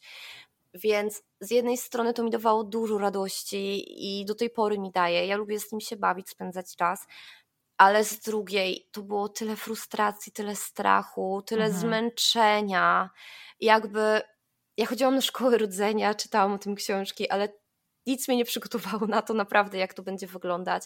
Zresztą mój Franuś, on był od początku taki bardzo. Mm, bardzo dużo potrzebował uwagi, do tej pory tak jest. I on był takim dzieckiem nieodkładalnym.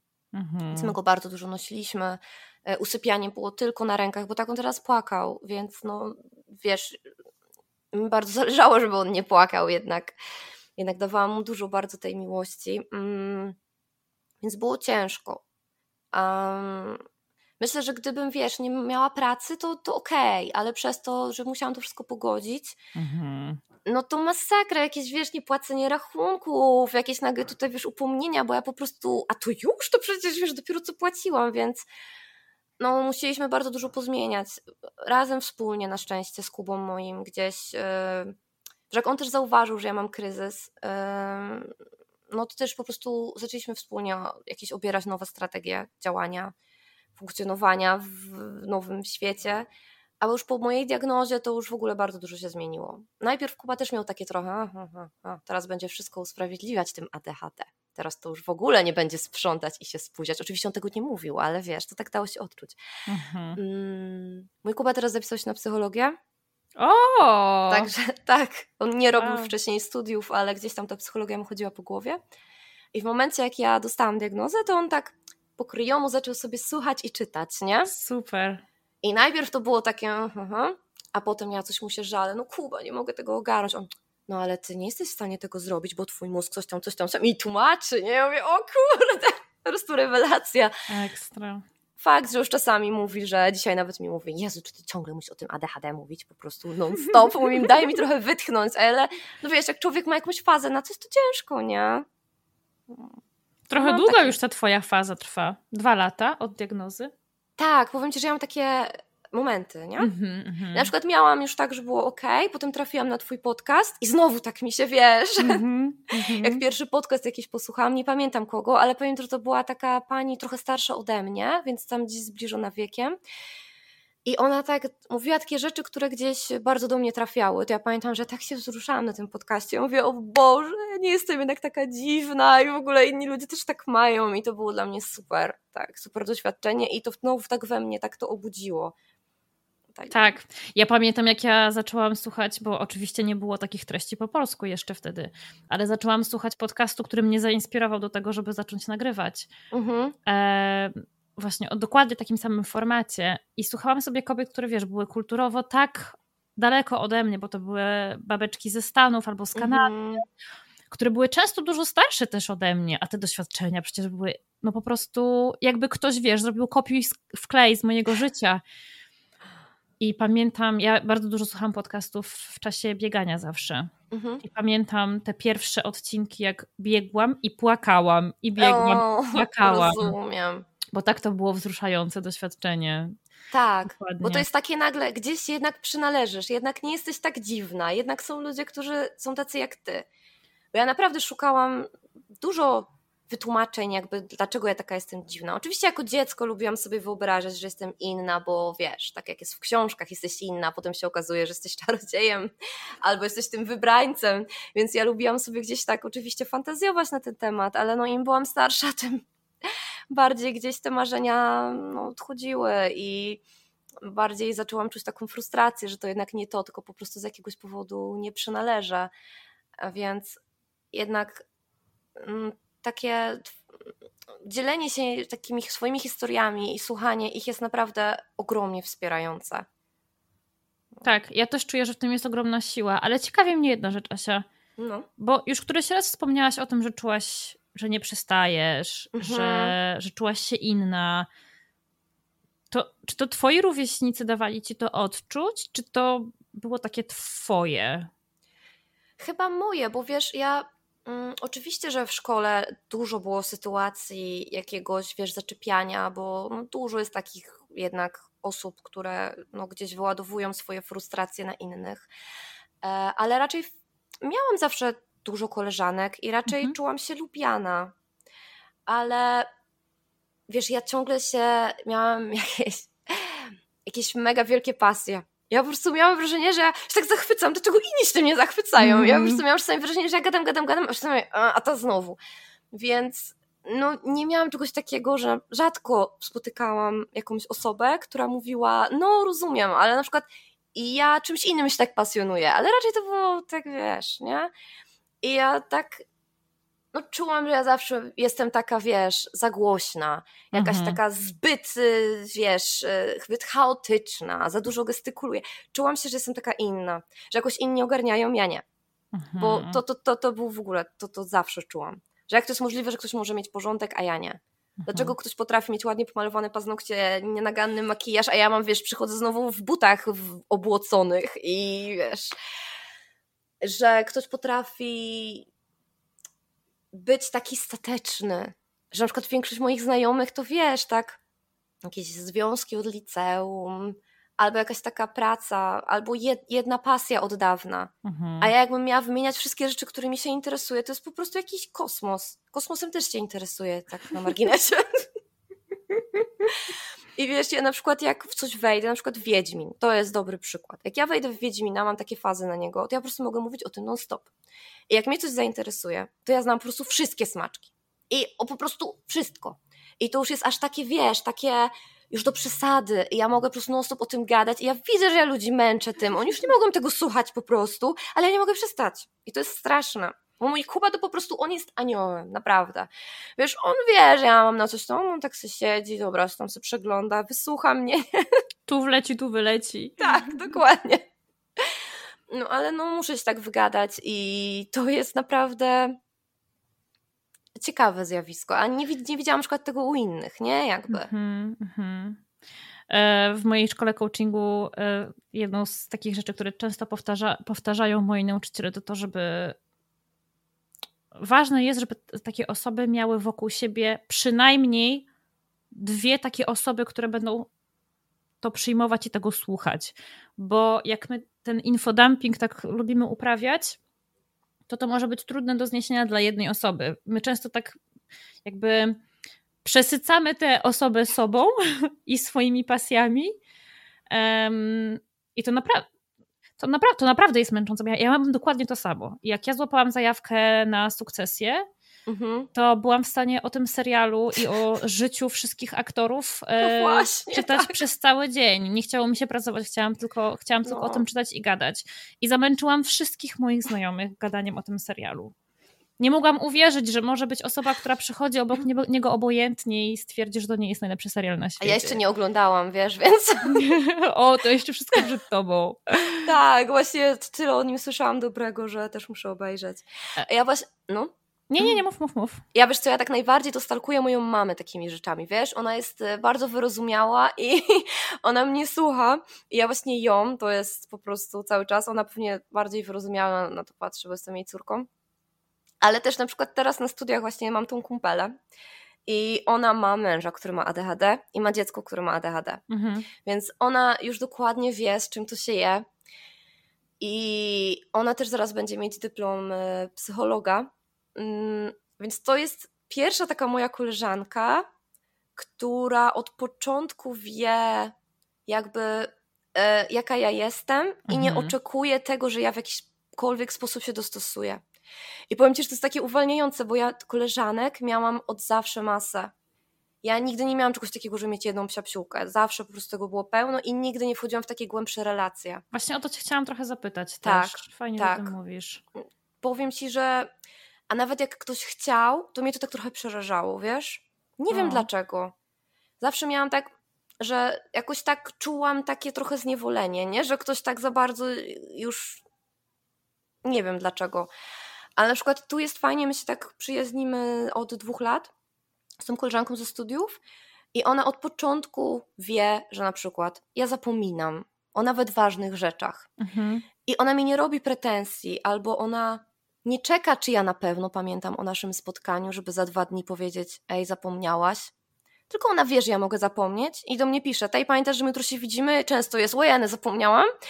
I, I ona jakby akceptuje mnie po prostu taką, jaką jestem. No I to jest, bardzo odkrywcze, tak, bardzo takie, takie y, wyzwalające wręcz. Że ona wie po prostu, na przykład jak ona do mnie przychodzi, to ona też nie oczekuje, że będę siedzieć i jej słuchać, bo ona wie, że ja tak nie wytrzymam. Ja zmywam naczynia latam i wiesz, i ona wie po prostu, bo jej mąż jest taki sam. I no i to sprawia, że rzeczywiście mnie to w żaden sposób nie przytłacza. A ja miałam naprawdę różne sytuacje i no nigdy tych przyjaźni nie umiałam utrzymać no zwykle z mojego powodu, bo po prostu albo ja się przestawałam odzywać, mhm. nie odpisywałam na te wiadomości, ale to też często, wiesz, taka pętla, nie? Nie odpiszesz na jedną, potem masz wyrzuty sumienia, potem chcesz coś napisać, ale widzisz tą długą wiadomość od tej osoby i mówisz, o Jezu, dobra, nie mam teraz na to siły, nie dam rady, odpiszę kiedyś indziej i nagle mija pół roku. I ja nawet tak zapominam czasami, wiesz? Czasami ja się obudzę po jakimś czasie i mówię, Jezu, ja na przykład z tą koleżanką nie rozmawiamy rok tak, a, ja... a, potem masz takie poczucie, że już jest za późno, że już tak. że, że, jest ci wstyd za to, że tak długo się nie tak, odzywałaś, tak. więc wolisz się nie odzywać w ogóle. Tak. tak. I wiesz, ja miałam takie komunikaty od koleżanek. Ona mówi, Jezu, czy coś ze mną jest nie tak, że ty nie chcesz mieć ze mną kontaktu. Ja mówię, nie, to w ogóle to jest tak jakoś. Ja mam tyle rzeczy w ciągu dnia, mhm. które robię. Ja samo szukanie przedmiotu, które gdzieś przed chwilą odłożyłam, czasami zajmuje mi tak dużo czasu, to bieganie po domu, że ja mam często na przykład, ona pisze do tej koleżanki, ale nagle robi coś innego i nagle się okazuje, że no, jak mówię, mija pół roku i, i już nie mam potem, wiesz, nawet jakoś energii, żeby przeprosić czy coś i gdzieś tam potem te kontakty takie miałam też, wiesz. To jest przykre bardzo. Mm, to jest też przykre, bo ja z jednej strony bardzo lubię ludzi, Mhm. Ale z drugiej strony ja czasami mam wrażenie, że wiesz, ja mam z rodzicami dobry kontakt, mam siostrę, mam chłopaka, mam dziecko i że, że wiesz, na tym też się skupiam, nie? Mhm. Ale potem mi jest też przykro, że te osoby myślą, że coś z nimi jest nie tak, a to nie o to chodzi. Ja chętnie bym z nimi miała kontakt, ale wiesz, no nie tak non-stop, to jest dla mnie trudne. A wiesz, niektórzy chcą mieć ten kontakt non-stop, nie? Utrzymywanie relacji i taki bliski kontakt i takie bycie in touch z tą drugą osobą cały czas, to naprawdę kosztuje dużo energii. Tak. Dlatego ja sobie bardzo cenię takie znajomości, które mam od lat, których ta druga strona doskonale wie, że ja mogę się przez kilka miesięcy w ogóle nie tak. odzywać, ale to nie znaczy, że ja tej osoby już nie lubię, albo że nie chcę mhm. się z nią przyjaźnić, albo że o niej zapomniałam, chociaż czasami o niej na chwilę zapominam, ale w takim, w takim globalnym sensie o niej nigdy nie zapomnę, bo ona jest tak. ciągle tak samo ważna i w momencie, kiedy spotykamy się tych kilka miesięcy później, to wchodzimy w tę znajomość tak, jakbyśmy się rozstały wczoraj. Tak, to jest świetne. Wiesz co, ja tak mam z moją kuzynką, z która tak naprawdę nie jest moją kuzynką, ale tak to się nasze mamy znają, że już, wiesz, to już Mhm. jest, że to już jest rodzina. I my się właśnie przyjaźnimy od dziecka. I to też jest super, że my potrafimy ileś miesięcy ze sobą nie rozmawiać i nagle po prostu wpadnie mi jakiś mem, który chcę jej wysłać, jej wysyłam i ona nie ma do mnie pretensji, że hej, nie odzywałaś się tyle czasu, a tu nagle ten, tylko jakby nigdy nic. I ona ma to samo, wiesz, obie mamy swoje życie, mamy dzieci i to rozumiemy. A no niektórzy nie są w stanie tego zrozumieć. Nawet bez ADHD ciężko jest tak, wiesz, ze wszystkimi ludźmi, z którymi by się chciało utrzymywać kontakt, nie? Tak. Poza tym jest takie społeczne oczekiwanie, że, że, że powinno się mieć wielu znajomych, że nie, że nie można mieć tylko jednej albo dwóch bliskich Tak. osób, że trzeba mieć grono osób wokół siebie. Ale przepraszam, Mhm. ale co kto tak powiedział? To prawda. A mi na przykład czasami, mm, jak jeszcze pracowałam, e, bo teraz pracuję zdalnie, ale jak pracowałam, e, wiesz, normalnie w biurze, to w tym czasie z koleżanką z biura złapałyśmy kontakt. To takie jest często naturalne. I ja gdzieś w tym biurze z nią się tyle nagadałam, że ja wracałam do domu. Ja naprawdę nie miałam ochoty już z nikim, wiesz, rozmawiać. Chciałam po prostu spędzić ten czas sama ze sobą. Mhm. I bo już gdzieś tam praca dostarczyła mi wystarczającej ilości bodźców. I ja zresztą tak mam po jakichś imprezach, takich rodzinnych na przykład, że ja bardzo lubię takie spędy. Ja nie piję alkoholu, ale się bawię w ogóle super. E, Ale następnego dnia ja po prostu gorzej niż jakbym piła. Ja jestem tak przebodźcowana tą Mhm. ilością osób, świateł, muzyki, że ja mam taką serię zdjęć, nie? Że na przykład tutaj na imprezie tam, wiesz, rozchichotana, w ogóle roztańczona, a następnego dnia po prostu pod poduszką, nie? I mówię, dajcie mi wszyscy spokój. I to też jest fajne, że od kiedy wiem, że mam ADHD, to ja też jakby zdałam sobie z tego sprawę. Ja wcześniej nie zdawałam sobie sprawy. Byłam taka przemęczona, ale jakby nie akceptowałam tego, nie dopuszczałam Mhm. do siebie, że tak jest. I ja na przykład i tak gdzieś szłam, no bo gdzieś byłam umówiona, no to się trzeba zmusić, nie? No bo Tak. przecież nie wypada powiedzieć, że nie. A teraz mówię, nie ma mnie i po prostu, wiesz, chcę odpocząć, ewentualnie, no co innego, wiesz, posiedzieć z chłopakiem i z, z dzieckiem, a co innego gdzieś tam iść. Bo wtedy Mhm. po ty- takiej ilości bodźców pójście do sklepu czasami jest dla mnie trudne nawet. Zgadza się, ale my często zapominamy o tym, że te pozytywne emocje też potrafią nas przestymulować Tak. e, i czasem nawet bardziej niż te negatywne. Ja, ja, ja wiem, że ja czasami muszę cały dzień odchorować wyjście do centrum handlowego. No, ja też. Zwłaszcza jak wyjdę tam bez zatyczek albo bez słuchawek wygłuszających. No. To, jest, to jest największy Tak. koszmar. My się kiedyś z moim mężem zastanawialiśmy, dlaczego jesteśmy tak źli na siebie, jak jesteśmy w zatłoczonym miejscu. Bo my na siebie warczyliśmy. Tak, znam to. Wszystko się wyjaśniło w momencie, kiedy się zorientowałam, że mam ADHD. Tak, i to jest też super, że jak wiesz, bo tak jak mówisz, się warczy na siebie, jakaś jest, jest po prostu niemiło, nie wiesz dlaczego. A jak ja teraz wiem, to wiem, co na to wpłynęło. Ja się nie wyżywam na Kubie. Jak byłam w sklepie, wiesz, tu coś gada, tu Franek, mama to, mama tamto, tutaj kasa nie działa, tutaj błąd, tutaj. I ja już po prostu, wiesz, ja wracam z tego auta i Kuba mówi, coś się stało. Nie, nie, tylko bodźce, nie mów na razie do mnie. On, dobra, Mhm. spoko. I ja jakby pooddychałam i już spoko. A pewnie wcześniej być może bym nagle wyciągnęła jakąś starą sprawę, być może Mhm. byśmy się o coś pokłócili, żeby odreagować. A teraz on wie, ja wiem, Kuba też tak reaguje, jak na przykład jest w miejscu, gdzie jest za dużo osób, on też musi odpocząć, więc doskonale się rozumiemy. Mhm. Bo to jest dziwne, no bo z jednej strony człowiek jest em, taki, wiesz, że no ja nie mam problemów z zawieraniem nowych znajomości, lubię dużo mówić, ale z drugiej strony ten koszt tego jest tak ogromny, że trzeba po prostu potem tą cenę zapłacić. To jest ta ciągła walka pomiędzy szukaniem nowych bodźców, bo jesteśmy niedobodźcowane, Tak. I byciem przebodźcowaną, bo tak bardzo szukałyśmy tych bodźców, że się przeciążyłyśmy. I jest, to się. szukanie równowagi jest, e, no jest taką syzyfową pracą trochę w naszym przypadku, niestety. Bardzo. Ale to też wynika z tego, że my się nie zatrzymujemy. Zobacz, jak, jak mało z nas e, daje sobie czas na takie świadome oddychanie, na takie szukanie kontaktu ze swoim ciałem i zastanawianie się tak nad tym, co mi to robi w ciele, gdzie ja to fizycznie czuję, co się Mhm. teraz dzieje, nie? Tak. Ja tak bardzo długo miałam, nawet jak, e, znaczy ja w ogóle nie dopuszczałam do siebie czegoś takiego jak odpoczynek, zawsze to było obarczone poczuciem winy, bo Mhm. ja przecież nie powinnam teraz, wiesz, sobie czytać, bo przecież ja mam do zrobienia to, to, to, to, to.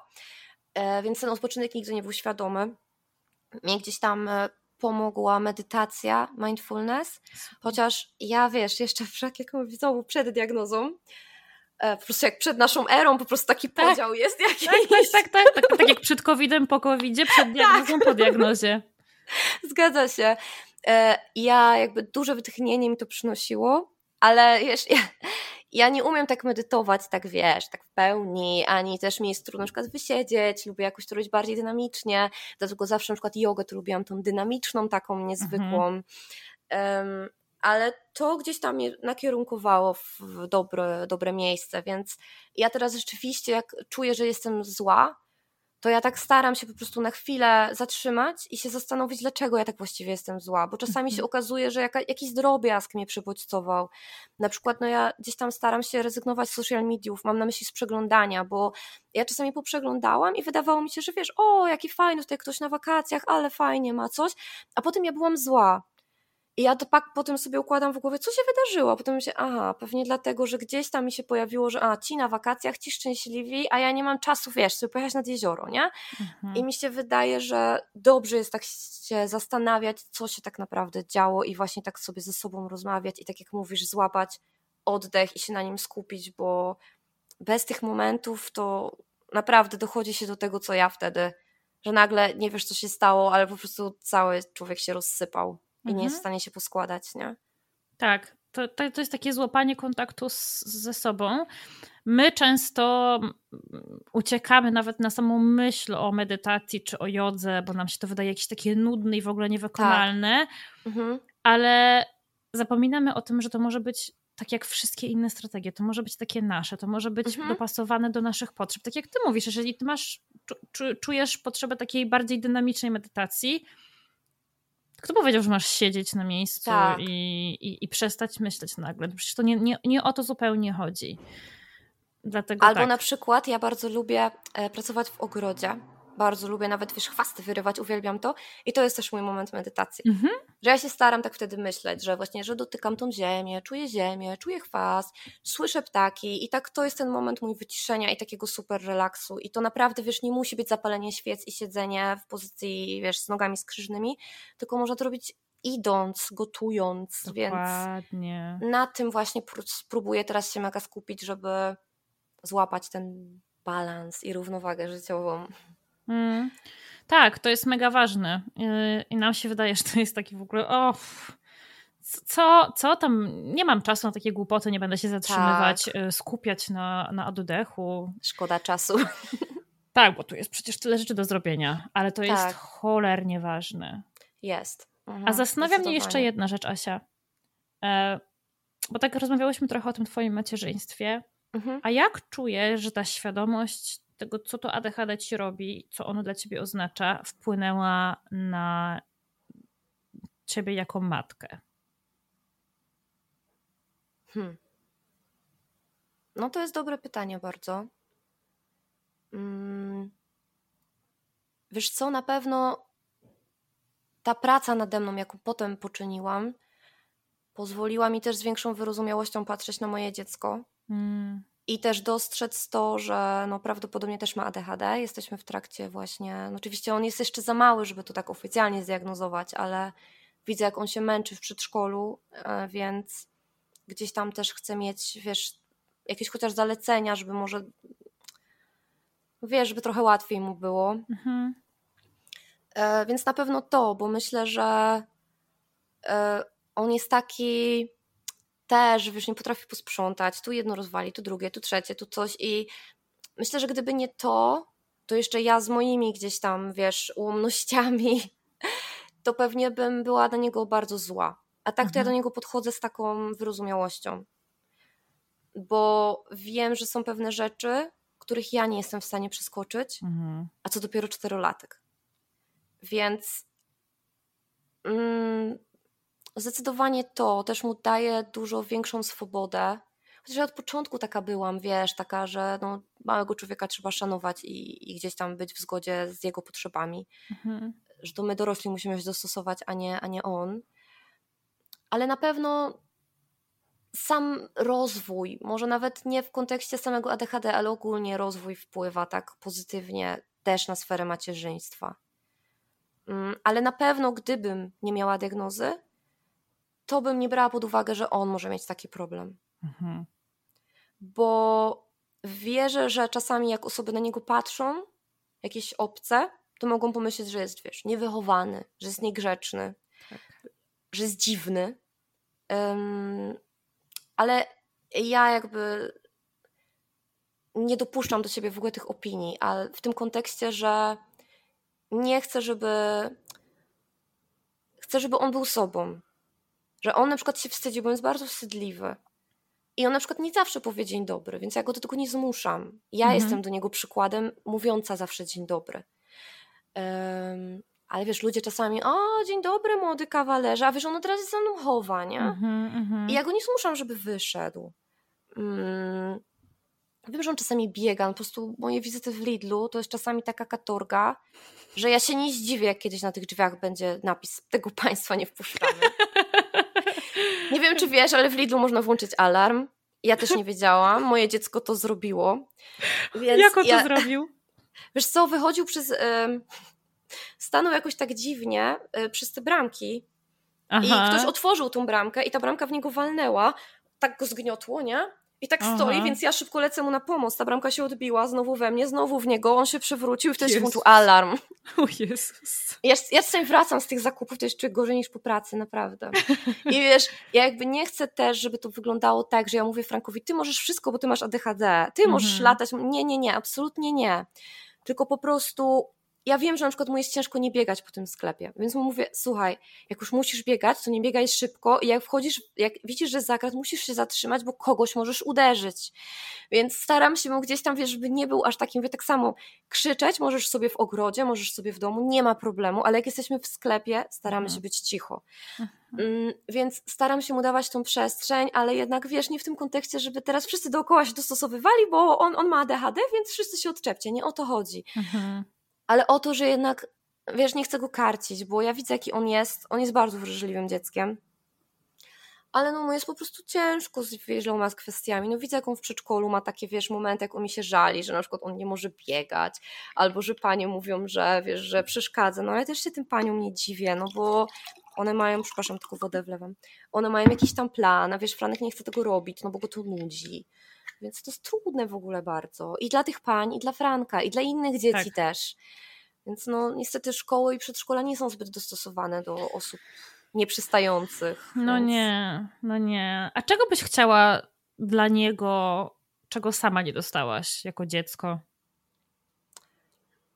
To, co dla mnie było najtrudniejsze, to była szkoła. Dlatego mhm. ja bardzo chciałabym edukację domową, taką mhm. zdalną, żeby on mógł po prostu te materiały mieć zdalnie. Mojej koleżanki dziecko, które też ma ADHD, właśnie jest w takiej szkole. Mhm. Ona sobie bardzo chwali. I jak ja myślę, że gdybym ja miała taką możliwość jako dziecko, dla mnie to była po prostu rewelacja, bo ona mówi, że jak ten syn ma taką motywację, że on na przykład może zrobić cały materiał w dwie godziny, a potem mieć wolne, to on siada i to robi.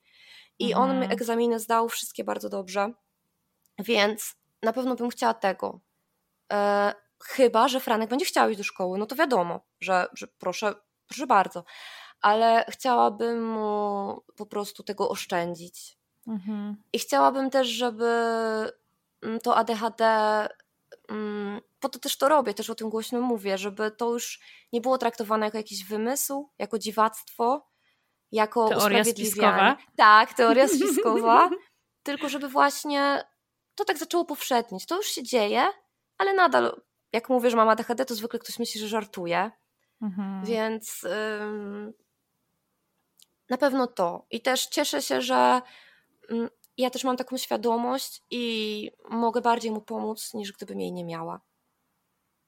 To jest na pewno no. takie na plus. To jest ważne. No i to, że ze strony twojego partnera jest takie, same, takie samo zrozumienie i chęć tak. uczenia się o tym i kurczę, że aż, że aż na studia się...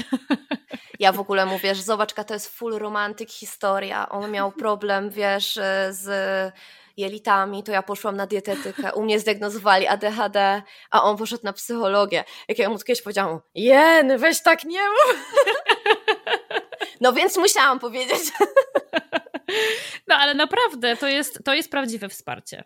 To jest, tak to jest to, czego nam potrzeba do tego, żeby lepiej funkcjonować. Tak, i powiem ci, że właśnie. Mm, no to jest w ogóle taka moja, ta historia właśnie moja i Kuby, jak my zaczęliśmy się z sobą spotykać i jak, jak byliśmy pogubieni i tacy mhm. w ogóle, wiesz, nieświadomi i to, jak wyglądał nasz związek wtedy i jak my oboje zaczęliśmy się rozwijać, uczyć, wspierać, uczyć siebie nawzajem, to to jest naprawdę niesamowite, bo jak ja myślę, jak to było wcześniej, to to jest naprawdę no, ogromna praca, którą musieliśmy zrobić, mhm. mnóstwo rozmów, mnóstwo kłótni, ale to jednak doprowadziło do takiego spokojnego związku i dla mnie na przykład super jest to, że dzisiaj byłam właśnie taka, wiesz, nerwowa lekko i coś Kubie mówi, a czemu ty do mnie mówisz takim tonem? I on tak na mnie patrzy, mówi, no dobra, sorry. I tak nadal patrzy, a ty się stresujesz wywiadem.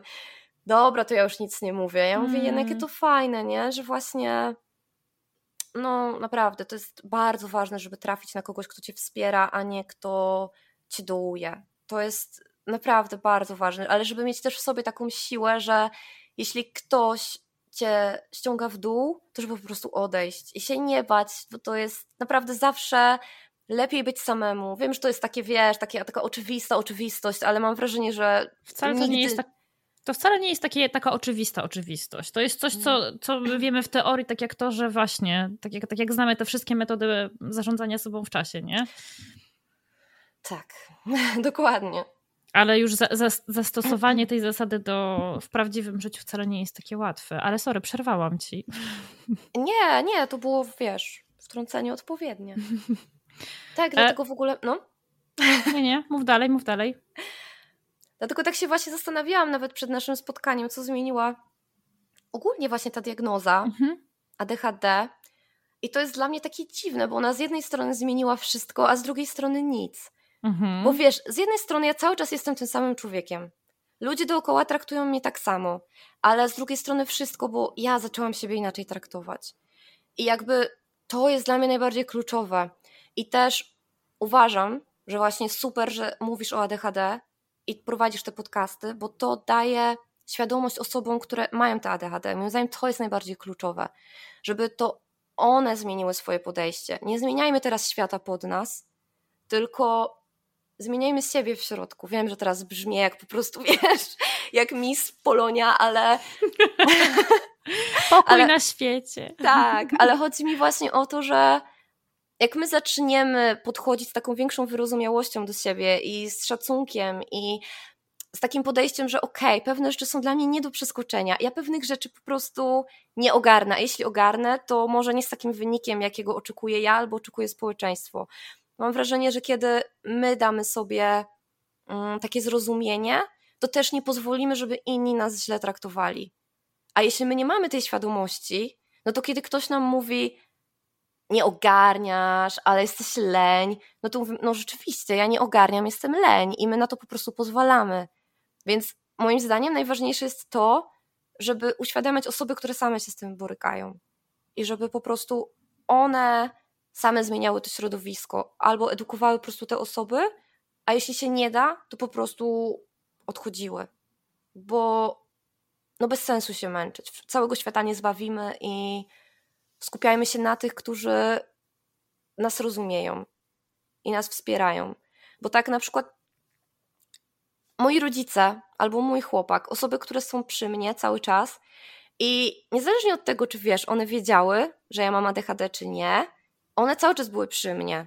Mhm. Więc ja teraz, wiesz, nie oczekiwałam, że oni teraz mają mnie inaczej traktować jakoś ulgowo. Bo moja mama wiedziała na przykład, że ja się spóźniam, więc ona już, moja siostra zresztą też. Więc moja mama na przykład często nam mówiła inną godzinę. Ona już sama sobie strategię obierała, nie? Że na przykład wiesz, yy, za 15 trzecia się widzimy na obiedzie, nie? A było obiad, było trzeciej. Więc jeśli ktoś chce, to znajdzie sposób, nie? Po prostu kiedy widzi, że ktoś ma z czymś problem. Więc to jest takie. Tak samo w szkołach, nie? Też nie zmieniajmy szkoły teraz pod znaczy inaczej, nie traktujmy osoby, która się z czymś zmaga wyjątkowo, bo to będzie generowało tylko frustrację u innych, ale może ogólnie zmieńmy szkołę, tak żeby wszystkim w niej było dobrze. Amen, absolutnie. To właśnie no. o to chodzi. Ja myślę, że wiele z tych zmian, których my byśmy chciały czy chcieli, to są takie zmiany, które wszystkim zrobiłyby dobrze. Tak, dokładnie. A wiesz, gdybym ja miała, miała na przykład diagnozę w szkole i ja bym była traktowana lepiej, no to podejrzewam, że cała klasa by mnie nienawidziła. Mhm. Więc to jest złe, tak nie można robić. I tak potem niestety mają często osoby z niepełnosprawnościami. One są inaczej traktowane i społeczeństwo gdzieś tam podświadomie czuje do nich takie a dlaczego oni mają lepiej? Mhm. A dlaczego ja tak nie mogę? A właśnie gdyby ogólnie zmienić tą szkołę, no to każdemu, tak jak mówisz, każdemu by się to spodobało. Nie mhm. teraz, wiesz, obniżać poziom, bo to nie chodzi o to, ale chodzi o to, że po prostu traktować też samych uczniów z większym szacunkiem, a nie szkoła po prostu wygląda fatalnie. Pod mhm. każdym chyba względem.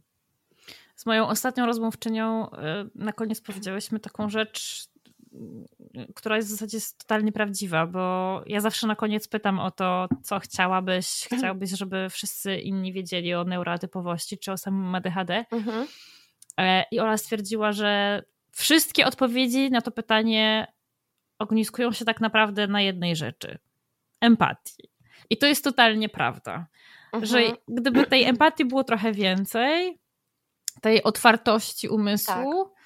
to wszystkim nam żyłoby się po prostu lepiej. Bez względu na to, czy mamy ADHD, czy go nie mamy. Tak. Tak, bo właśnie wiele osób mówi na innych jakiś dziwak, on jest jakiś, nie wiem, no tak często się słyszy, na przykład o kimś nieśmiałym. A, taki tam dziwok. A nie zastanawiamy się, z czego to wynika tak mhm. naprawdę. Mhm.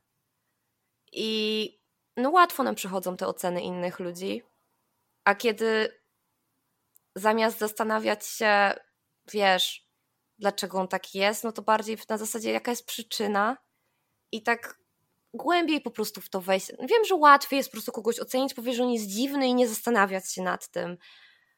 Ale no, zupełnie inaczej świat wygląda, jak przestajemy tak ludzi bardzo oceniać, bo nawet wiesz, w sklepie czy w urzędzie, jak ktoś jest niemiły, to czasami naprawdę wystarczy się uśmiechnąć do tej osoby i już zaczyna być inaczej. Bo ta tak. osoba też może być po prostu zmęczona. Może, może mieć po prostu zły dzień. Tak, tak. A my od razu reagujemy tym samym.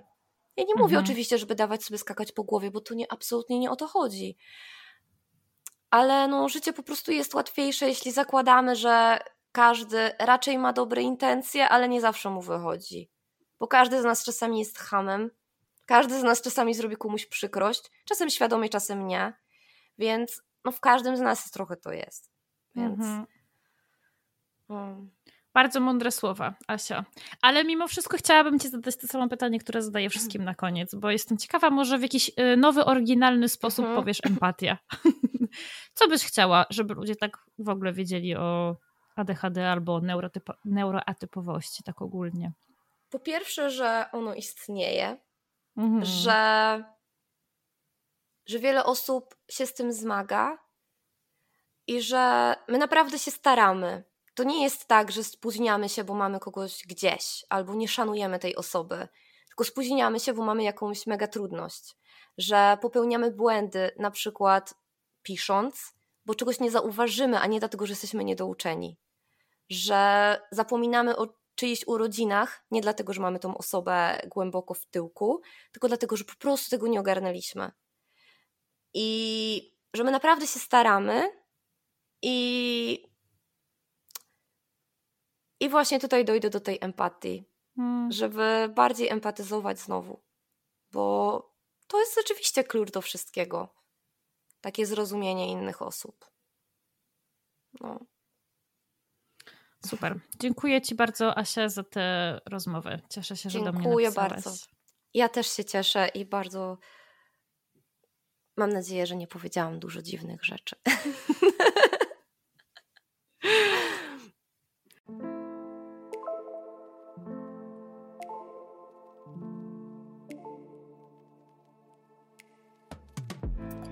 Wielkie dzięki za wysłuchanie tego odcinka. I oczywiście Spotify, YouTube czy TikTok nie powinny być wyznacznikami diagnozy. Ale jeśli to, o czym tutaj rozmawiałyśmy, brzmi dla ciebie podejrzanie znajomo, to mam nadzieję, że zaopiekujesz się sobą i wykonasz pierwszy krok w kierunku pójścia po pomoc, bo każda z nas na to zasługuje. Do usłyszenia w kolejnym odcinku.